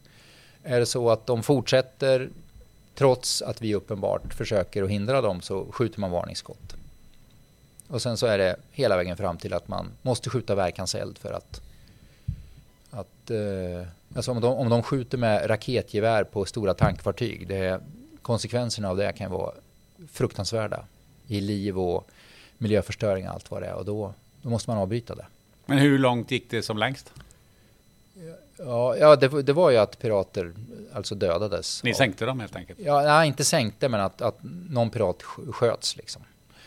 För att, för att få det att, att avbrytas. Men det var, det var betydligt ovanligare än man kanske tror. Det var liksom inte fullständiga shootouts varje dag. Det var det absolut inte. Men det hände. Och sen så samtidigt överlagrat på det här är ju att, att situationen i Somalia eh, då hemsöktes och hemsöks fortfarande Somalia av, av Al-Shabaab som är en, en terrororganisation som är förknippad med Al-Qaida. Och piraterna de gör ju det här för att tjäna pengar. Så de har, de har inget intresse av att, att hamna i eldstrid med oss. Det, ger inte, det är liksom inte deras, deras kärnverksamhet. De ska ju ta gisslan och kapa så att de har liksom ett intresse av att det finns inget inbyggt i att, att, att de vill hamna i strid med oss. Och de är också ganska medvetna om att deras vapen är av mindre kvalitet än våra. De är inte så bra på att träffa, vi är ganska bra på att träffa. Så det finns liksom ett, en, en inbyggd förväntan om hur en sån där situation kommer att avlöpa som, som gör att den ofta undviks. Men med al-Shabaab är det precis tvärtom. Om man stöter på dem, de vill ju inget hellre än att, att, att skjuta ner oss och ta oss som fångar och, och vad det nu kan vara. Så att, och de finns ju också runt om i Somalia. Och det är inte så att när man stöter på beväpnade grupper eller kamper att det finns någon, liksom, någon flagga eller någon, någonting som identifierar det ena eller det andra utan allting är ju potentiellt väldigt våldsamt om man säger så. Så de var rimligen farligare? Ja, de, ja, och de var också väldigt, de hade ju till och med luftvärnssystem som de använde sig av. Någonting jag alltid har funderat på under alla de här åren som man har hört talas om de här eh, eh kapningarna, det är varför man inte bestyckade eh, tankfartygen ja. eller, eller lastfartygen. Ja. Det var ju mycket containerfartyg också. Um, det hade varit ganska enkelt att bestycka ja. dem med sig varsin helikopter och sen 5-10 man med, med hyfsat tungt beväpnade. Ja, så hade de att, inte att, en sån båt kommit i närheten av en sån. Nej, det, det, finns flera saker att säga om det. Att, att, att varje lastfartyg skulle ha en helikopter och 10 man ombord. Det är fruktansvärda mängder helikoptrar och, och, och manskap. Så att det, det, det kan jag nog säga, det, det, det är orimligt. Men det som många naturligtvis har förespråkat är att man har säkerhets, att man hyr in säkerhets, man har en handfull legoknektar helt enkelt ombord på fartygen när de passerar igenom det här området. Och när det dyker upp några pirater så, så avvärjer man dem. Och, och det löser mycket. Men det jag tycker är väldigt intressant med det här resonemanget är att, att väldigt många, särskilt i Sverige, för det är i Sverige som jag pratar om det här, tycker att, jag får den här frågan väldigt ofta, varför gör man inte så här? Det är ju liksom, det är självklart. Och då brukar jag säga så här, vi har alla läst på nyheterna att, att i USA så är det väldigt stora problem med skolskjutningar. Eller hur? Förfärliga situationer. Varför gör vi inte så här att varenda lärare i USA får en Kalashnikov? Det kommer ju lösa problemet, eller hur? Eller är det så att om vi gör så, så vissa typer av skolskjutningar kommer nog att upphöra. Men vi kommer få en väldig massa andra problem som vi inte hade innan till följd av att det är väldigt massa vapen, det uppstår massa andra situationer och lärare börjar skjuta varandra och, och vad vi nu... Det, vi har instinktivt en förståelse för att det är en dålig lösning på skolskjutningsproblemet i USA. Men vi tycker att det är en jättebra lösning att sätta legoknektar på vartenda fartyg i Indiska oceanen. Och det, när vi åkte dit ner, som ju var för några år sedan, så hade det där börjat att komma. Nu är det ganska vanligt och det där, den där branschen har fått strukturer och så vidare. Men man ska ha klart för sig att det uppstår en massa situationer där nere som har att göra med att nu har vi massa beväpnade människor på de här fartygen och, och många av dem är jätteseriösa och, och, och, professionella och så vidare. Men, men det finns ett inslag av att de vill ju visa att de är värda att, att, att det här är inte för inte, att det finns ett hot, att de minsann inte fegar. Och det är inte så enkelt att, att i det här området så alla stora fartyg är lastfartyg som bara vill väl och alla små båtar är pirater som vill illa. Utan, och, och, ja, för att överdriva naturligtvis, den situation man kan beskriva är att tänk er då att, att vi hade ett motsvarande problem i Stockholms skärgård med pirater. Och så bestämmer vi att ja, men på, på Silja Line som nu ska åka till Åland så sätter vi tio legoknektar och så säger vi åt dem så här att i juni att kommer det någon båt som är kortare än 20 meter i närheten av Silja Line, skjut utav bara helvete på dem. Ja, då kommer det uppstå en massa situationer där man, man skjuter massa andra. För där nere det fiskar, transport, det finns massa sjötrafik som absolut inte är pirat. Jag skulle vilja säga att den absoluta majoriteten av allting som rör sig och är litet är inte pirater. Men det uppstår en massa situationer där man av olika skäl tolkar dem som pirater och så skjuts oskyldiga människor, fiskare. Det uppstår en massa situationer som, som inte har uppstått innan. Så piratproblemet kommer man till rätta med. Och det är säkert bra att man har börjat ha de här säkerhetsstyrkorna ombord. Men det är inte oproblematiskt. Mm. Ja, det är intressant det där. Mm. Ehm, det är ju lite det där att man tror att mer vapen löser Ja, precis. Och det, och det kan ibland lösa en typ av problem, men, men man får andra med sig. Men eh, om vi tänker här nu ur politisk eh, synvinkel, eh, för det här är ju ganska okänd operation. Ja, i Sverige är det. Eh, och då funderar jag på, nu lyckades ju ni eh, få hem alla igen och ni lyckades avvärja en förfärlig massa eh, kapningar. Vad hade hänt om, om ni hade misslyckats med någonting? Eh, då tror jag att vi hade fått väldigt mycket skit. Alltså det, hade, det där är ju, det är så världen är och det är så eh, skillnaden mellan succé och fiasko, i, i, speciellt i en sån där situation, är, är, är hårfin. Och eh, det fanns väl många gånger då, då saker kunde ha hänt men, men av olika skäl inte gjorde det. Uh, I och med att det fanns stor tveksamhet inför att göra det här, även inom Försvarsmakten, om det här var en bra idé och, och, och hur goda förutsättningarna egentligen var och så vidare. Så tror jag att, att om vi hade misslyckats, något hade gått på tok eller någon hade omkommit eller sådär, så hade, vi, så hade priset för det varit ganska stort. Det är jag övertygad om. Jag kände mig eh, tidvis ganska ensam som chef ska jag säga. Men kändes det ändå att du hade en del folk i ryggen eller varför? Jag, jag ska säga att det var lite blandat. Jag kände att jag hade en del i ryggen och jag kände att en, en, en del nog förberedde sig på att om det här går åt helvete så ska, så ska det här minsann inte drabba mig eller oss. Så, så kände jag. Nej, för jag, Men tänker, jag, det, det, jag ska också säga att jag tycker inte att det är så konstigt. Givet de här omständigheterna som var. Att vi åkte ut under de omständigheter och osäkerheter som var. Så så blir det så att den som är chef för den här verksamheten blir väldigt ensam. Det är jag som ytterst har, i svåra situationer, det, jag kan inte luta mig mot någon annan. Och jag har inget, det, jag, jag kan, det finns liksom inget, inget som gör att jag skulle kunna göra det. Ska jag ringa någon som är i en helt annan situation, och säga hur gör jag nu, hur ska jag göra? Det, det blir jag som får fatta besluten, det blir jag som får leva med det där. Och, och så är förutsättningarna. Sen, eh, sen kan man som chef över en sån verksamhet här hemma i högre eller lägre grad engagera sig i det och stötta det. Men, men personen på plats, jag i det här fallet, kommer att vara ensam. Och det är en... Jag tycker inte att det är konstigt, men det, det, det, det påverkar en väldigt mycket. Och det, och det, det tar, det, det kostar mycket energi. Hur, mycket, hur, många beslut eh, tar man eh, mer med magen än med, med den rationella hjärnan? Eller eh, känner att det var väldigt mycket rationella beslut? Hey, I'm Ryan Reynolds. At Mint Mobile, we like to do the opposite of what Big Wireless does. They charge you a lot, we charge you a little. So naturally, when they announced they'd be raising their prices due to inflation, we decided to deflate our prices due to not hating you.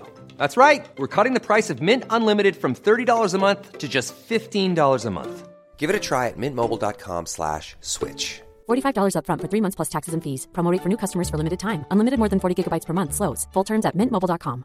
When you're ready to pop the question, the last thing you want to do is second guess the ring.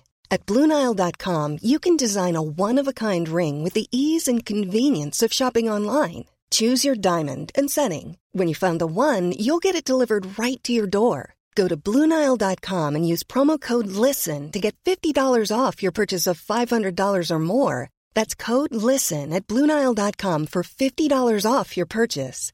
Bluenile.com code LISTEN. Hey, I'm Ryan Reynolds. At Mint Mobile, we like to do the opposite of what Big Wireless does. They charge you a lot, we charge you a little. So naturally, when they announced they'd be raising their prices due to inflation, we decided to deflate our prices due to not hating you. That's right. We're cutting the price of Mint Unlimited from $30 a month to just $15 a month. Give it a try at mintmobile.com slash switch. $45 upfront for three months plus taxes and fees. Promo rate for new customers for limited time. Unlimited more than 40 gigabytes per month. Slows. Full terms at mintmobile.com. Ja, jag skulle vilja säga att, att när det fungerar bra så är det så att en, en, om man om man nu tänker, om man på något slags objektivt sätt försöker, nu, nu försöker jag skåda mig själv utifrån, så säger man så att om man, om man har en, en vi har, här har vi en svår situation, här har vi svår, en svår operation, det ska pågå under ganska lång tid. Det kommer ske saker som vi inte redan nu vet vad de är, men det kommer behöva fattas beslut på plats. Då tar man en, då tar man en relativt erfaren person som har gjort en väldig massa annat innan. Och sen så på plats när de här situationerna uppstår så är det så att nu, och nu liksom går jag in i mig själv. Baserat på den erfarenhet jag har så fattar man beslut som ofta är i någon mån grundade på magkänsla. Men den där magkänslan kommer ju någonstans ifrån. På erfarenheter och det här, det här känns inget bra. Man kan, ha dem, man kan få presenterat det mest rationella. Ni ska göra det här uppdraget, det är förberett på det här, det här sättet. Allt, allting ser jättebra ut på pappret. Men man får en väldigt dålig magkänsla. Det är någonting som fattas här, det är någonting som inte nämns eller det är någonting som är bortglömt. Då, då, då får man dra öronen åt sig och liksom försöka bena ut vad det är och, och, och så vidare. Men det, jag tror att det är en kombination av det rationella och det som man upplever som en magkänsla. Eh, sen ibland är det ju så att man får, måste bortse från magkänslan. När man ska åka på ett väldigt farligt upp, det är väldigt stora risker. Då säger ju hela kroppen att det här vill jag inte göra. Men det är mitt jobb. Det är jag som ska göra det. Eller vi. Och vi behöver göra det nu. Jag tänker på, du nämnde att det var väldigt mycket olika typer av fartyg som befinner sig eh, i de här vattnen. Eh, jag skulle kunna föreställa mig att eh, det befanns, också, befann sig också en hel del fartyg med flyktingar, för det måste ändå vara rätt mycket människor som flyr från den här typen. Jo, av, det var båtflyktingar som vi också stötte på, som, som försökte ta sig från Afrika och, och därifrån då. Och det kunde man stöta på mitt i havet. Vad gjorde ni med dem? Eh, ja, det intressanta i sammanhanget är att, att eh, de handlingsregler som vi hade fått, som beslutades av Sveriges riksdag, helt enligt, alla partier i Sveriges riksdag, det är få som är medvetna om det här, röstade. Det här var en så stor insats att Sverige skulle göra det här, så det, ske, ske, det krävde ett enskilt riksdagsbeslut. Så man samlade Sveriges riksdag och så sa man, ska Sverige ta, sig på, ta på sig att leda den här operationen? Ja eller nej? Och alla riksdagspartier, hela riksdagstavlan lösgrön, från vänster till höger. Och sen samtidigt så röstade man på, och om vi gör det här, de handlingsregler som ska gälla, det röstar man också på, helt enigt. Och de handlingsregler som gällde för båtflyktingar var att vi fick inte befatta oss med dem. Vi skulle vända dem ryggen. Det kan ju de som lyssnar fundera på en gång till. Alla riksdagspartier sa så. Och det finns ett gott skäl till det. Eh, liksom rent politiskt. För att i och med att det här var en väldigt stor operation som skulle genomföras så gjorde man bedömningen att det krävs ett godkännande av FN. Och då måste de länder som ligger i den här regionen också rösta för det. Och om man har en väldigt stor flottstyrka på plats i ett område som är väldigt oroligt så kommer många länder undra vad, vad ska de där blanda sig i och inte? Så då var det väldigt viktigt att begränsa uppgiften till att bara handla om att eskortera nödsändningar och jaga pirater. Och den flyktingsituation som är i området är på olika sätt är den kontroversiell. Och då för att försäkra sig om att, att de här länderna skulle rösta ja till hela operationen så att man fick ett FN-mandat så gjorde man bedömningen att vi måste skära bort eh, att befatta sig med flyktingar. Men det gjorde ju situationen etiskt omöjlig för oss på plats. Vi stötte på båtflyktingar som, de kommer ju att dö. Och vi har en direkt order från Sveriges riksdag och regering att vi får inte befatta oss med dem. Men det som, eh, det som vi gjorde var att, att vi, eh, vi hjälpte dem på plats så, så mycket som vi kunde. Och sen meddelade vi eh, FNs flyktingkommissariat, UNHCR, att, att här har vi stött på flyktingar och de som, de som de som körde de här flykting, de som liksom drev verksamheten, de visste att vi inte fick påverka dem. De behövde inte tala om för oss vart de var på väg eller någonting. Men, men vi gjorde bedömningar av var vi hade stött på dem och väder och vind och så vidare. Att de kommer träffa land här. Så kunde UNHCR vara där och möta upp. Så att eh, tillräckligt ofta så liksom var det någon som mötte upp till följd av vårt arbete. Men vi kunde inte, vi kunde inte ta dem ombord eller, eller, eller eh, eller så att säga eh, boxera dem eller något sånt där. För, för det medgav inte vårt mandat och det innebar ett dilemma för att om vi gjorde det då var det ju en nödsändning som inte eskorterade in till, till Somalia och då dog det en massa människor i Somalia istället. Så när vi räddar hundra så dör tusen. Eller då för att kunna bistå de här så måste vi släppa en flank fri på lastfartygen och så blir plötsligt massa fartyg kapade och så sitter och så blir det en sån situation. Så att det, det var, ju, var ju ledningsmässigt ett dilemma.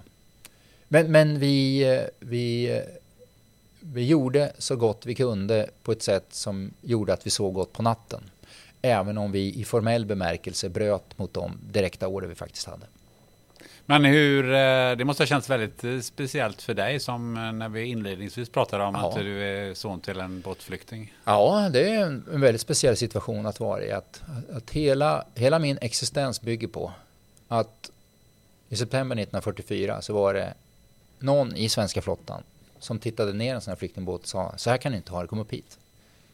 Och sen så att jag en massa år senare sitter i en helikopter och har en direkt order att inte få göra det av mitt lands regering. Men eh, ändå hantera det. Men, eh, och det är också lite eh, ett, ett liknande dilemma som vi pratade om Estonia. Ja, fast där upp, med Estonia upplevde jag inte Nej, men jag tänker så här att det är, som, det är Jo, ett liknande dilemma som, som ytbergarna jo, fick jo, precis. ta. Men det, och det, är ju, det är ju en ödets ironi alltså. Det var i, i, princip, i princip på timmen när. Min pappas och hans familj satte sig i en, en, en, en båt borta i Estonia. En stormig natt i september 1944. På timmen när, 50 år senare, ringde telefonen i hans sons lägenhet sa Estonia sjunkit. Mm. Det är snudd på att man inte kan hitta på det. Nej. Men så var det. Från, från Somalia till en annan oroshärd, för det var inte slut med Solam, Somalia, utan eh, sen hamnade du efter något år senare i Afghanistan. Eh, ja, det, var, det var så att i samband med att vi kom hem från Somalia så var det, det var en eh, så kallad medaljceremoni på Berga slott söder om Stockholm. Eh, det här hade ju gått väldigt bra och, och det var pompa och ståt och ministrar som höll tal och medaljer som delades ut och, och det, var, det var jättetrevligt och uppskattat. Och sen så efter den där ceremonin så var det två av mina chefer som tog med mig åt sidan och sa att vi, vi har ett nytt jobb till dig. Och då hade det uppstått en annan situation så tillvida att Sverige var ju ganska engagerat i Afghanistan, väldigt engagerat i, i norra delen av Afghanistan Vi hade varit ansvariga för ett stort område i ganska många år. Där hade det blivit väldigt oro. Kriget i Afghanistan under alla år hade typiskt varit i södra och östra Afghanistan, ut med gränsen till Pakistan. Men av olika skäl så flyttade eh, stridigheterna bland annat till det här området. Då. Och då blev det, det blev en politisk het potatis att vi inte hade några Medevac-helikoptrar i det området. Vad är Alltså- en Medevac-helikopter? det är en helikopter som kan åka ut på så att säga, slagfältet när, när soldater har blivit skadade, sårade. Så med väldigt kvalificerade medicinska resurser kan man komma på plats och eh, ta, hämta civila eller, eller militärer med, och med väldigt kvalificerad vård rädda livet på dem. Och man brukar säga det att i all, för att liksom skapa någon slags förståelse kring det, i all sån här akutvård, så när en människa är svårt skadad så finns någonting som man kan kalla för the golden hour. Alltså kommer man inom kvalificerad medicinsk eh, vård inom en timme så är chanserna att man klarar sig, överlever eller klarar sig undan svåra men enormt mycket större än om man kliver över. Kroppen kan, kan liksom hålla liv i sig själv och skydda sig själv en viss tid men liksom det blir betydligt mycket sämre efter en timme. Och typiskt det sätt som man löser det på det är ju med helikoptrar. Det är ju, så är det här i Sverige också att vi har ambulanshelikoptrar för att liksom klara det där.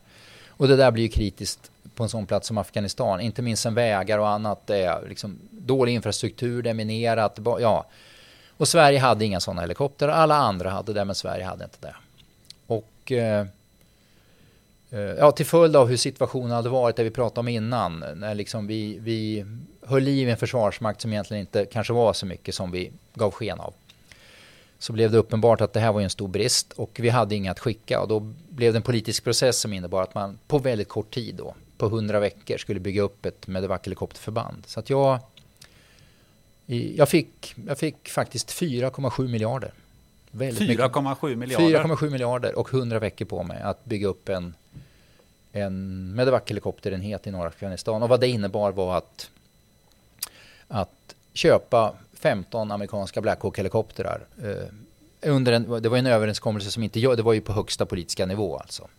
Som överenskommelsen gjordes. Eh, där man snabbt köpte helikoptrar och sen så att man har material är ju en sak. Bara för att man har ett, bara för att man har byggt ett sjukhus betyder inte att man har att man har en fungerande klinik. Sen, sen så skulle vår personal utbildas, samövas och det var, det var, det var hög svanshållning på det där. Men på 100 veckor då, vilket är extremt kort tid, så gick vi från ingenting till att ha ett förband insatt i norra Afghanistan som, som löste väldigt kvalificerade uppgifter. Vad var de största utmaningarna med att eh, flyga Afghanistan? Ja, jag skulle vilja säga att, att eh, de största utmaningarna vi visste att den material, alltså de helikoptrar vi skulle få, den medicin, alltså all material, alla saker skulle vara av hög kvalitet, beprövade och, och på alla sätt det bästa man kan tänka sig. Utmaningen var att på kort tid utbilda besättningar så att man har tillräcklig kapacitet och inte bara att den enskilda individen klarar sitt jobb utan att, att man har en, en, en helhet, en struktur som innebär att man har ett välfungerande förband. Uh, det, var, det var en utmaning. En annan utmaning var vi har det Sverige vi har som är väldigt reglerat och det är bestämmelser och det är processer och det är det är hur myndigheter jobbar och så vidare. Och det där stora samhällsprojekt, oavsett vad det är, oavsett om man ska bygga Nya Karolinska eller man ska bygga JAS eller, eller man ska bygga Slussen eller vad det nu är. Det, det tar decennier. Och bara för att man har ett, en helt annan förutsättning. Nu befinner vi oss i en pandemi och det är väldigt utmanande med att få saker och ting att ske i en snabb takt. Vi kan ta vaccineringen som vi nu sitter mitt i. Där det är en massa formalia och strukturer och vem är ansvarig och så vidare. Det där, hela den där världen mötte jag och de som jag jobbar med. Där det var inte så att de här reglerna inte gällde bara för att vi hade väldigt bråttom. Och att få processer att löpa på veckor och månader snarare än år och decennier, det var, det var väldigt utmanande. Men det... Hur gör man då? Ja, det man gör är att det, det visar sig väldigt ofta att, att eh, att när man behöver lösa någonting på ett annat sätt eller snabb, typiskt snabbare än normalt så när man har fått förståelse för det hos de som behöver göra det, för det är ju olika delar beroende på vad det är för fråga, så finns det ofta idéer om hur man skulle kunna göra det på ett, på ett sätt som är tillräckligt säkert, tillräckligt bra, kanske inte idealiskt, men tillräckligt bra. Så finns det ofta ett sätt att göra det på. Men diskussionen slutar ofta vid att någon säger ja, men på vems ansvar ska vi göra det? Vem är det som tar ansvar för det här? Vi kan göra så här och det är tillräckligt bra, men det är någon som måste ta ansvar för det. Och även om naturligtvis Sveriges överbefälhavare var ytterst ansvarig för det här så var jag Försvarsmaktens projektledare, var jag som ledde arbetet. Så väldigt mycket av mitt arbete gick ut på att på olika sätt säga att jag räckte upp handen och sa att det är på mitt ansvar vi gör det. Det här finns det, det finns en, en tydlig politisk vilja, ett mandat som går hela, från, hela vägen från riksdag och regering, liksom, genom departement, ÖB, ner till mig, som säger att det här ska vi göra.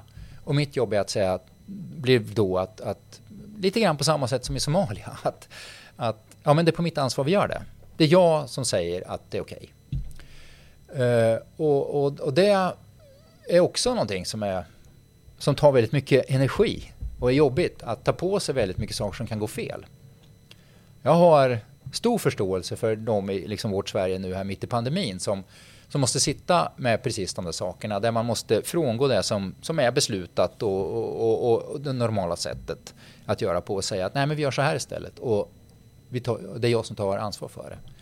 Jag upplever att det är kanske i högre grad. Det, är någonting som, det här behöver man skapa förståelse för i ett samhälle som befinner sig i den situation som vi gör just nu.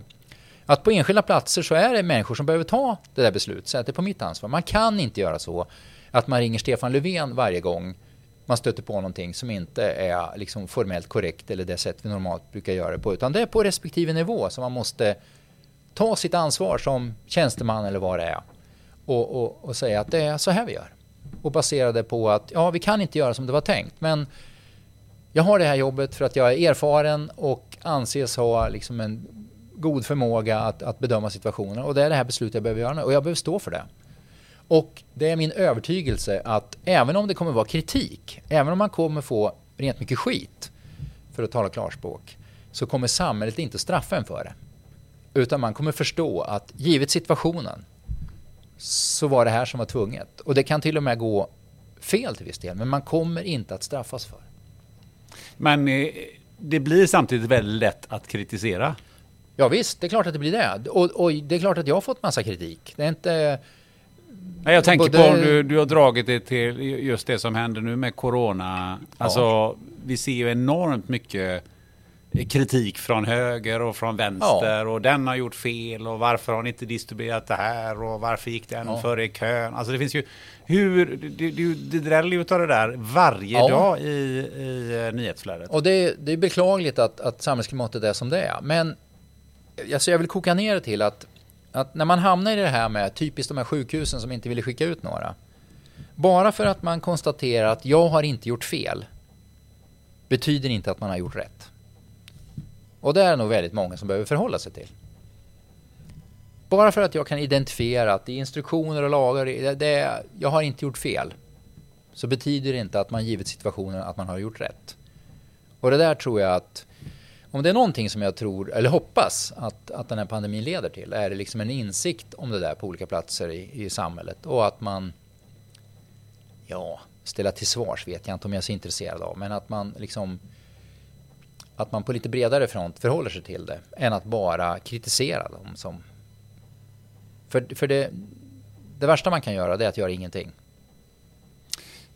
Om vi tar en sväng in i, i Afghanistan. Jag tänker på när ni väl kom dit. Vad, vad var de utmaningarna? Det måste ju ha varit väldigt mycket annorlunda jämfört med det ni var med om i, i Somalia. Det så situationen, ni var inne i landet, eh, ni hade en annan upp, ett annat uppdrag och de som eventuellt ville er illa var ju betydligt mycket bättre beväpnade än eh, ett gäng pirater i en, eh, i en I och för sig så tror jag att deras, deras beväpning är, den är lite jämförbar. Men, men situationen som sådan är väldigt, väldigt olika. Vi var över hav, där är det över land. Eh, där var det svårt att liksom landa på ett fartyg som rör sig i vatten. Här står flygplatsen stilla. Å andra sidan så är det dåligt väder på natten i bergen. Och det, det, är, ett, det är ett antal faktorer som skiljer sig åt. Det, det avgörande är just att de som är operativa på plats, att många av de som var med mig i Indiska oceanen var också i Afghanistan, inledningsvis speciellt. Är just att ha den här förmågan att, att analysera i situation, vad är det här som är farligt? I den här situationen, vad är det som är svårt? Vad är det vi inte är så duktiga på? Vad är det som är farligt? Vad är det vi inte har tänkt på? Att, att, att identifiera det där och att, att göra någonting åt det. Eh, och sen att ha just förmågan att anpassa sig till den, till den situation som är. Men hur blir det rent praktiskt? Eh, Flög ni rakt ut i ett stridsområde för att plocka upp eh, sårade soldater Ja, det var ju mitt det under som en strid? Ja, det var ju det som uppgiften. Nu, nu var det inte så, det var inte så varje dag för, för, för, för, för förbandet där nere. Eh, Men det var det som var uppgiften. Det skulle man kunna göra dygnet runt, nästan oavsett väder. Och den förmågan hade man. Den breda allmänheten i, i Sverige eh, tror jag inte känner till eh, vad ni gjorde i Somalia och, och kanske inte så jättemycket om den Nej. historien som du berättade om Afghanistan heller. Vad beror det på? Jag tror, att det, jag tror att det är flera faktorer. Jag tror att jag tror att dels är det så att särskilt på under ett antal år på 00-talet och upp på, liksom på 10-talet. Försvaret var liksom det var en sida, det var, det, var, det var någonting som fanns men det var underordnat. Det var inte så intressant. Så det pratar man inte om så mycket. Sen så tror jag det är så att generellt i Sverige så har vi svårt att ha en diskussion om saker som har med det här att göra. Alltså vilka, vilka värden är de viktigaste för oss? Vad är vi villiga att i någon mån försvara? Hur långt är vi villiga att gå då? När, när, när är det ytterst värt att faktiskt döda en annan människa? Vi har svårt att prata om det på ett, i, i ett offentligt sammanhang. Vår bild av, av svenska militärer som åker utomlands har under lång tid varit att återigen, nu låter jag raljant, men att det står någon i blå basker vid en vägspärr och delar ut nallebjörnar till flickor som är på väg till skolan. Och, och, och, och den bilden stämmer till viss del och det är det vi vill uppnå. Men, men det finns, speciellt under senare år, så har det varit väldigt många andra situationer som, som svenskar har varit inblandade i. Där det uppstår väldigt svåra val, det är strider, folk dör, skadar och så vidare. Och det där har vi väldigt svårt att prata om på ett offentligt sätt som innebär att vi kan prata om det. Och det innebär det också att det uppstår en tveksamhet att berätta om det. Så när jag var nere i Indiska oceanen, eller när vi var där med vårt förband, så var det så att det, var, det här hade ganska stor internationell uppmärksamhet. Så att jag, vi kunde ju, vi kunde få mejl och sådär. Så jag kunde få mejl från kompisar runt om i världen som hade jag har läst och hört. Var det ni som gjorde det här? Vi såg det här på nyheterna. Det var någon fritagning och vad det nu var. Ja, jo, men det var vi som gjorde det. Men i Sverige så var det precis knäpptyst. Sen så tror jag också att, att följa ett förband som är mitt ute i havet på det här sättet. För det var flera stora nyhetsbyråer som skickade ut folk. Man behöver stora resurser. Man behöver avdela journalister och fotografer i kanske två veckor. Och, och för en, det här är min spekulation. En svensk nyhetsredaktion har, det, frågan var inte tillräckligt intressant för att lägga de resurserna på det. Så att det här fick mer ett, liksom ett internationellt uppmärksamhet. Men i Sverige så var det kanske mera någon lokaltidning i Blekinge som, som, som hade ett reportage om att någon av bygdens söner var ute och gjorde det här och han hon har gjort så här och så här. Men liksom riksmedia, eh, ja det existerade inte. Och jag tror att med Afghanistan, Afghanistan är Alltså Somalia var moraliskt väldigt enkelt, i alla fall för mig. Vi, vi, vi innebar en avgörande skillnad för att hålla liv i att, att världsekonomins aorta, den här fartygsleden, kunde hållas öppen. Att, att människor i flyktingläger fick mat. Det, det är inte svårt att motivera det för sig själv. Kontra al-Shabaab och, och, pirater. Afghanistan är betydligt mycket svårare och har pågått under ganska många år. Tröttheten kring det, det är liksom inte så intressant längre. Och när, när man då gör saker på ett högprofilerat sätt och så vidare. Kontexten som sådan är inte så intressant längre. Att, eh, naturligt, eh, även om helikoptrar lätt är intressant och sådär. Men, men liksom, en del skrevs det om det, men, men kanske inte så mycket. Jag tycker inte att det är så konstigt kanske just den där saken till följd av tröttheten kring Afghanistan. Det jag dock saknar är den här diskussionen om att vi på ett öppet sätt kan prata om och mänskliga värden. Vad, vad är vi ytterst villiga att försvara och hur långt är vi villiga att gå? Är det rimligt att vi, att vi skjuter ihjäl pirater för att, för att mat måste in till ett flyktingläger?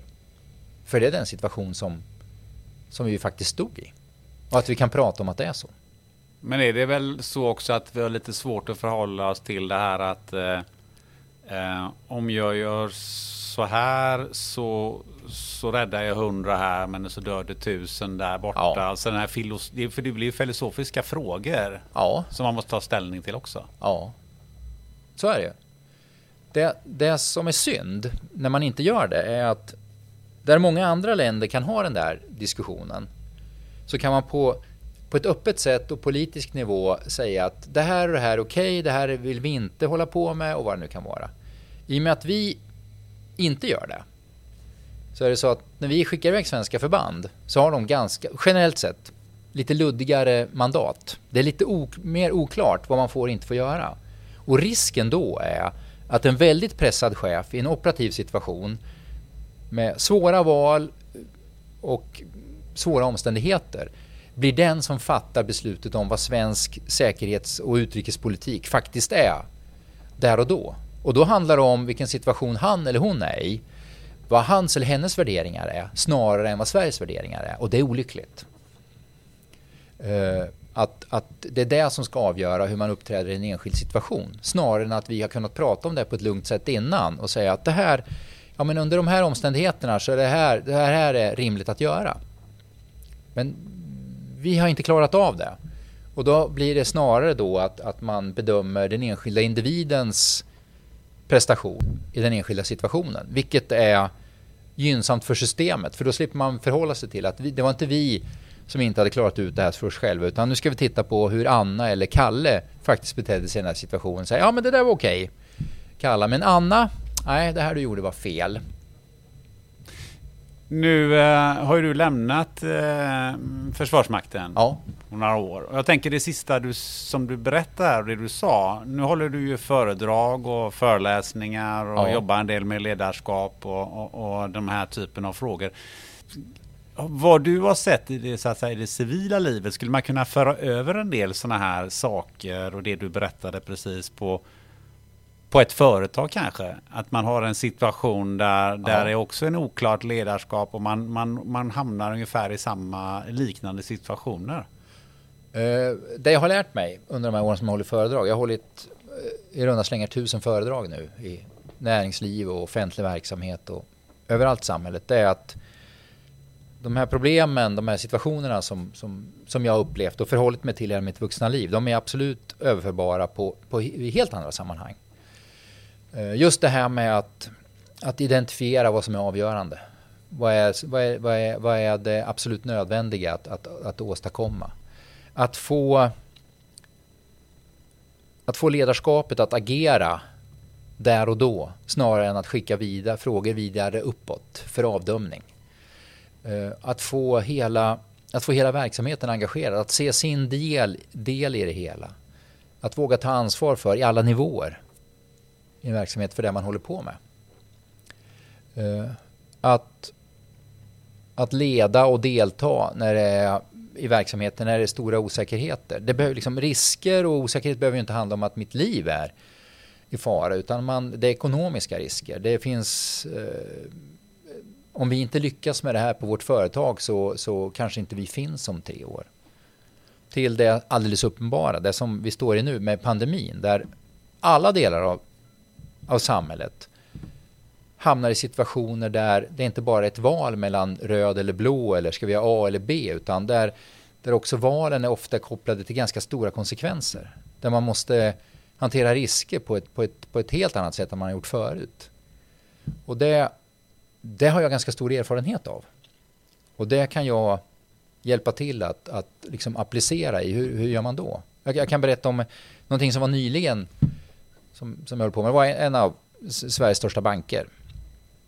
Och, och cheferna där som berättade om hur nu i samband med coronan då så är det så att för att när, när, testverksamheten kom igång här under hösten, man kan testa sig för om man har corona och för att kunna boka ett sånt här test då måste man ha, tada, bank-id.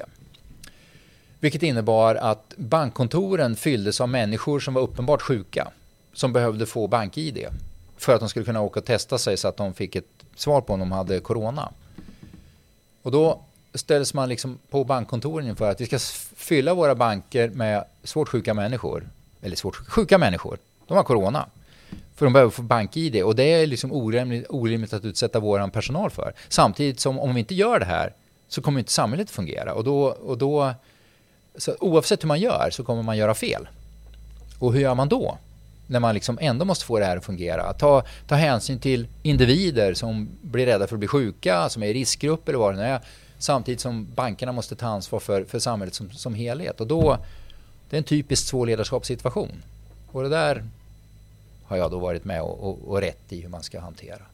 Så att jag tror att många av de erfarenheter som jag har, eller det jag har lärt mig, inte tror, det jag har lärt mig att många av de situationer och erfarenheter som jag har, de är, de är direkt applicerbara på det som många står i och upplever, inte minst just nu. Men har du några eh, tumregler eller någonting i, i den här erfarenheten som du eh, tycker att du kan eh, dela med dig? Eh, för vi, alla vi människor hamnar ju i den här typen ja. av situation, kanske inte så stora som, som vi har pratat om här, Nej. varken när det gäller bank eller när det gäller att vi, Nej, eller försvaret. Men det kan ju vara en, det kan ju vara en helt personlig eh, situation. Ja. Nu måste jag göra det här. Det här känns ju otroligt eh, svårt. Ja. Eh, men jag måste göra, hur, hur ska jag förhålla mig till det?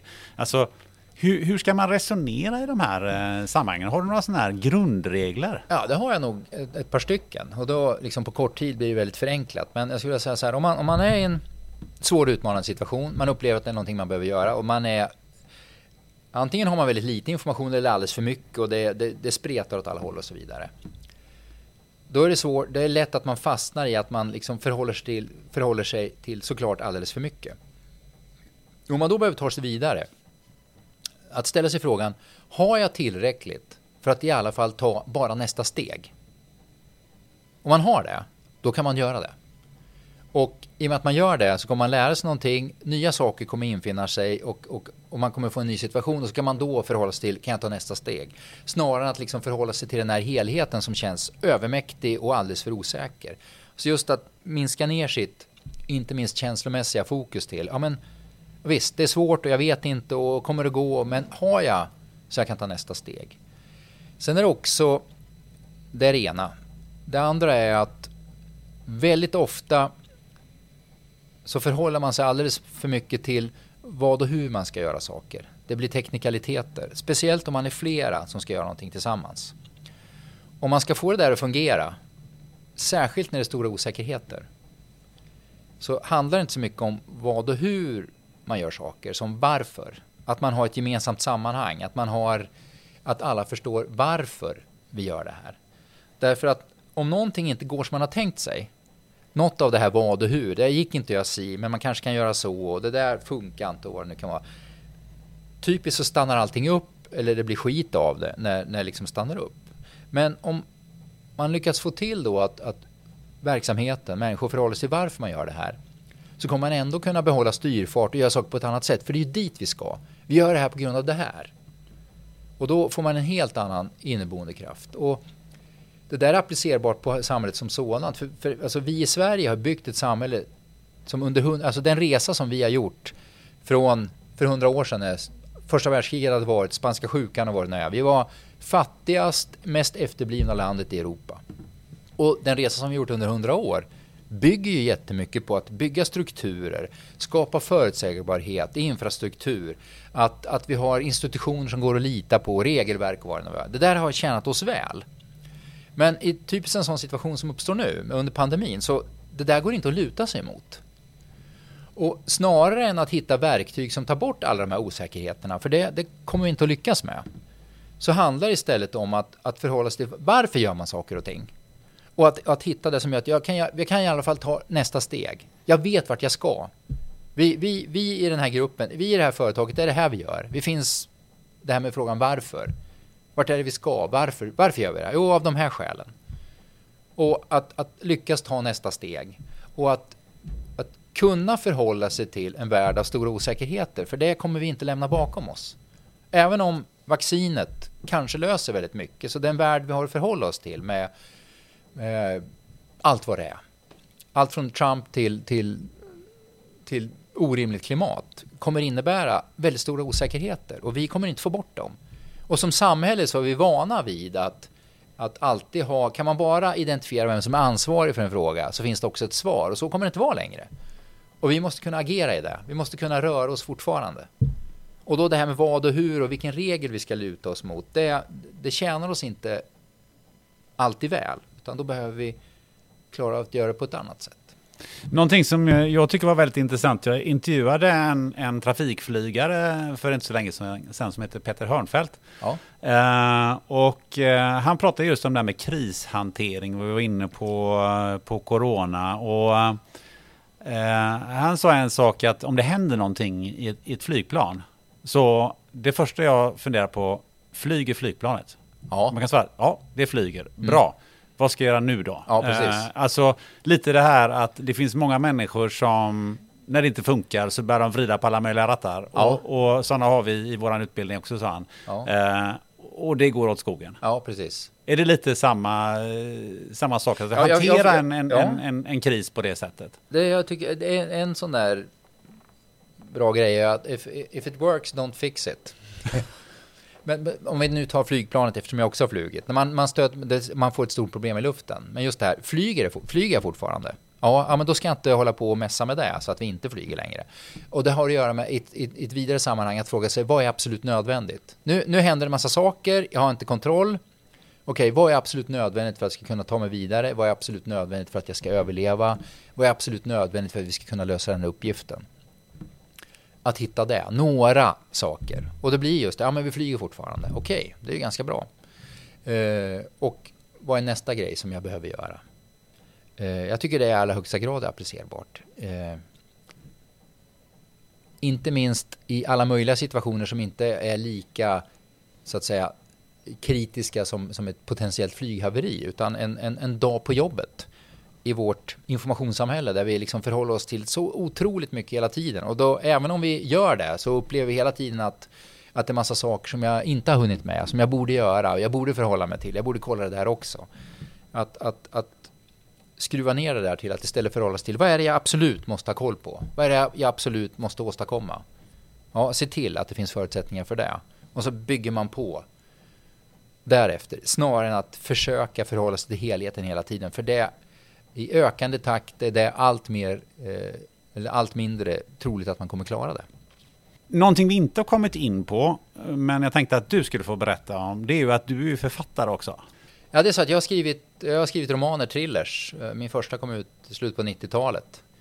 Eh, och jag fick väl något slags internationellt genombrott för några år sedan med mina, min näst senaste bok och min senaste bok.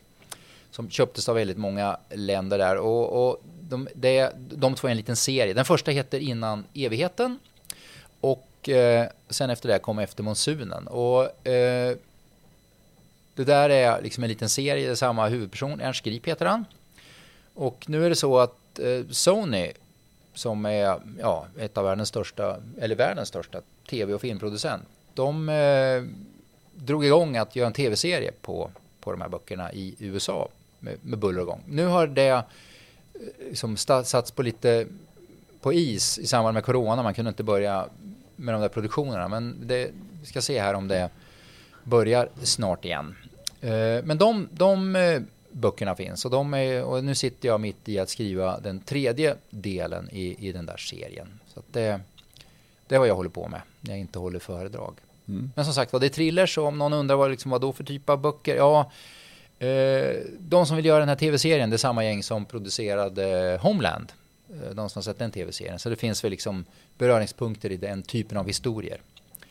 Eh, någon slags politisk thriller. En del har kallat det för liksom Sveriges John le Carré och, och sånt där när de, är, när de är snälla. Så att det är den typen av, den typen av böcker. Det låter, det, inte, det låter intressant. Mm. Uh, vi har ju här den uh, efter monsunen. monsunen ligger på bordet här, ja. nyinköpt av mig och den ska jag ta och läsa den närmaste veckan. Mm. Ehm, du, om du skulle vilja ha en önskegäst ja. i podden, vem skulle det vara? Ja, nu, nu, nu, Ja, nu ska vi se om det är en önskegäst i podden. Ja, jag, jag tänker så här att om det under de här senaste fyra åren med allt som har varit i USA och Trump. Jag har varit nästan, eller jag höll på att säga sjukligt intresserad av, av allt som har skett och hur det kan vara och sådär. Och det har jag tänkt så här att någon som jag verkligen skulle vilja he, höra en person vars perspektiv och erfarenhet jag skulle höra, det, det är Melania Trump, alltså Donald Trumps fru.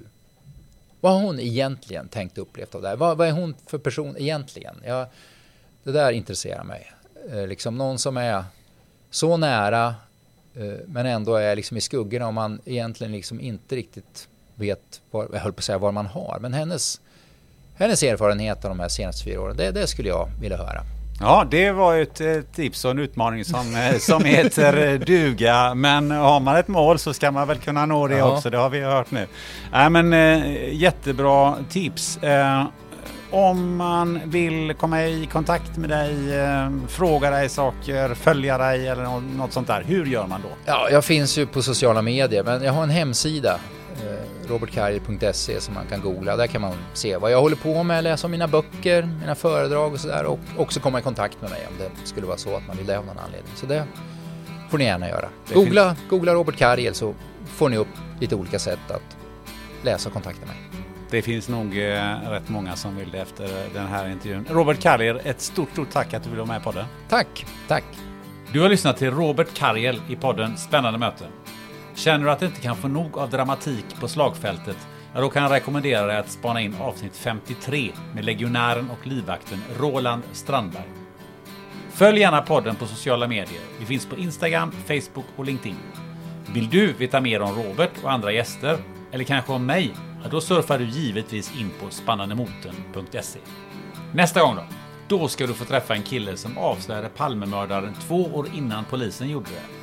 Som var delaktig i avslöjandet kring rättsskandalen om Thomas Quick och som väckt enorm uppmärksamhet kring de apatiska flyktingbarnen. Det blir ett riktigt långt snack med en av Sveriges bästa grävande journalister, Mattias Göransson, chefredaktör på magasinet Filter. Tills dess så gör du som bekant något gött. Som att lägga dig i soffan, ta något att dricka och fundera på varför det växer så mycket mossa i gräsmattan. Varför då undrar du? Jo, det får du reda på senare i vår om du fortsätter lyssna på podden. Ha det gött!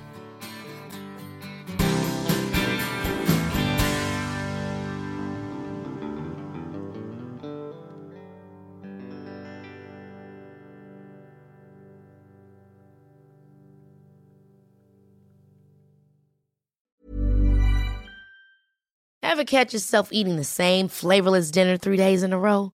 Dreaming of something better? Well, HelloFresh is your guilt-free dream come true, baby. It's me, Kiki Palmer. Let's wake up those taste buds with hot, juicy pecan-crusted chicken or garlic butter shrimp scampi. Mm. Hello Fresh. Stop dreaming of all the delicious possibilities and dig in at hellofresh.com. Let's get this dinner party started. Hi, this is Paige from Giggly Squad, and I want to talk to you about Splash Refresher and my water intake. Okay, so you guys obviously know that I'm a hydrated girly, but sometimes when you drink that much water, it starts to just taste bland, and you're just like, I need something to spice it up. That's why I love Splash Refresher. It has zero sugar, zero calories, and it's a splash of sweetness. And they come in five different flavors. They're so good. Wild berry, acai grape, pineapple mango, lemon, and mandarin orange. My favorite is the wild berry because I just I just love a berry. So if you're like me and you're drinking water all day, then try Splash Refresher. It's going to absolutely change your water game and it's good for you.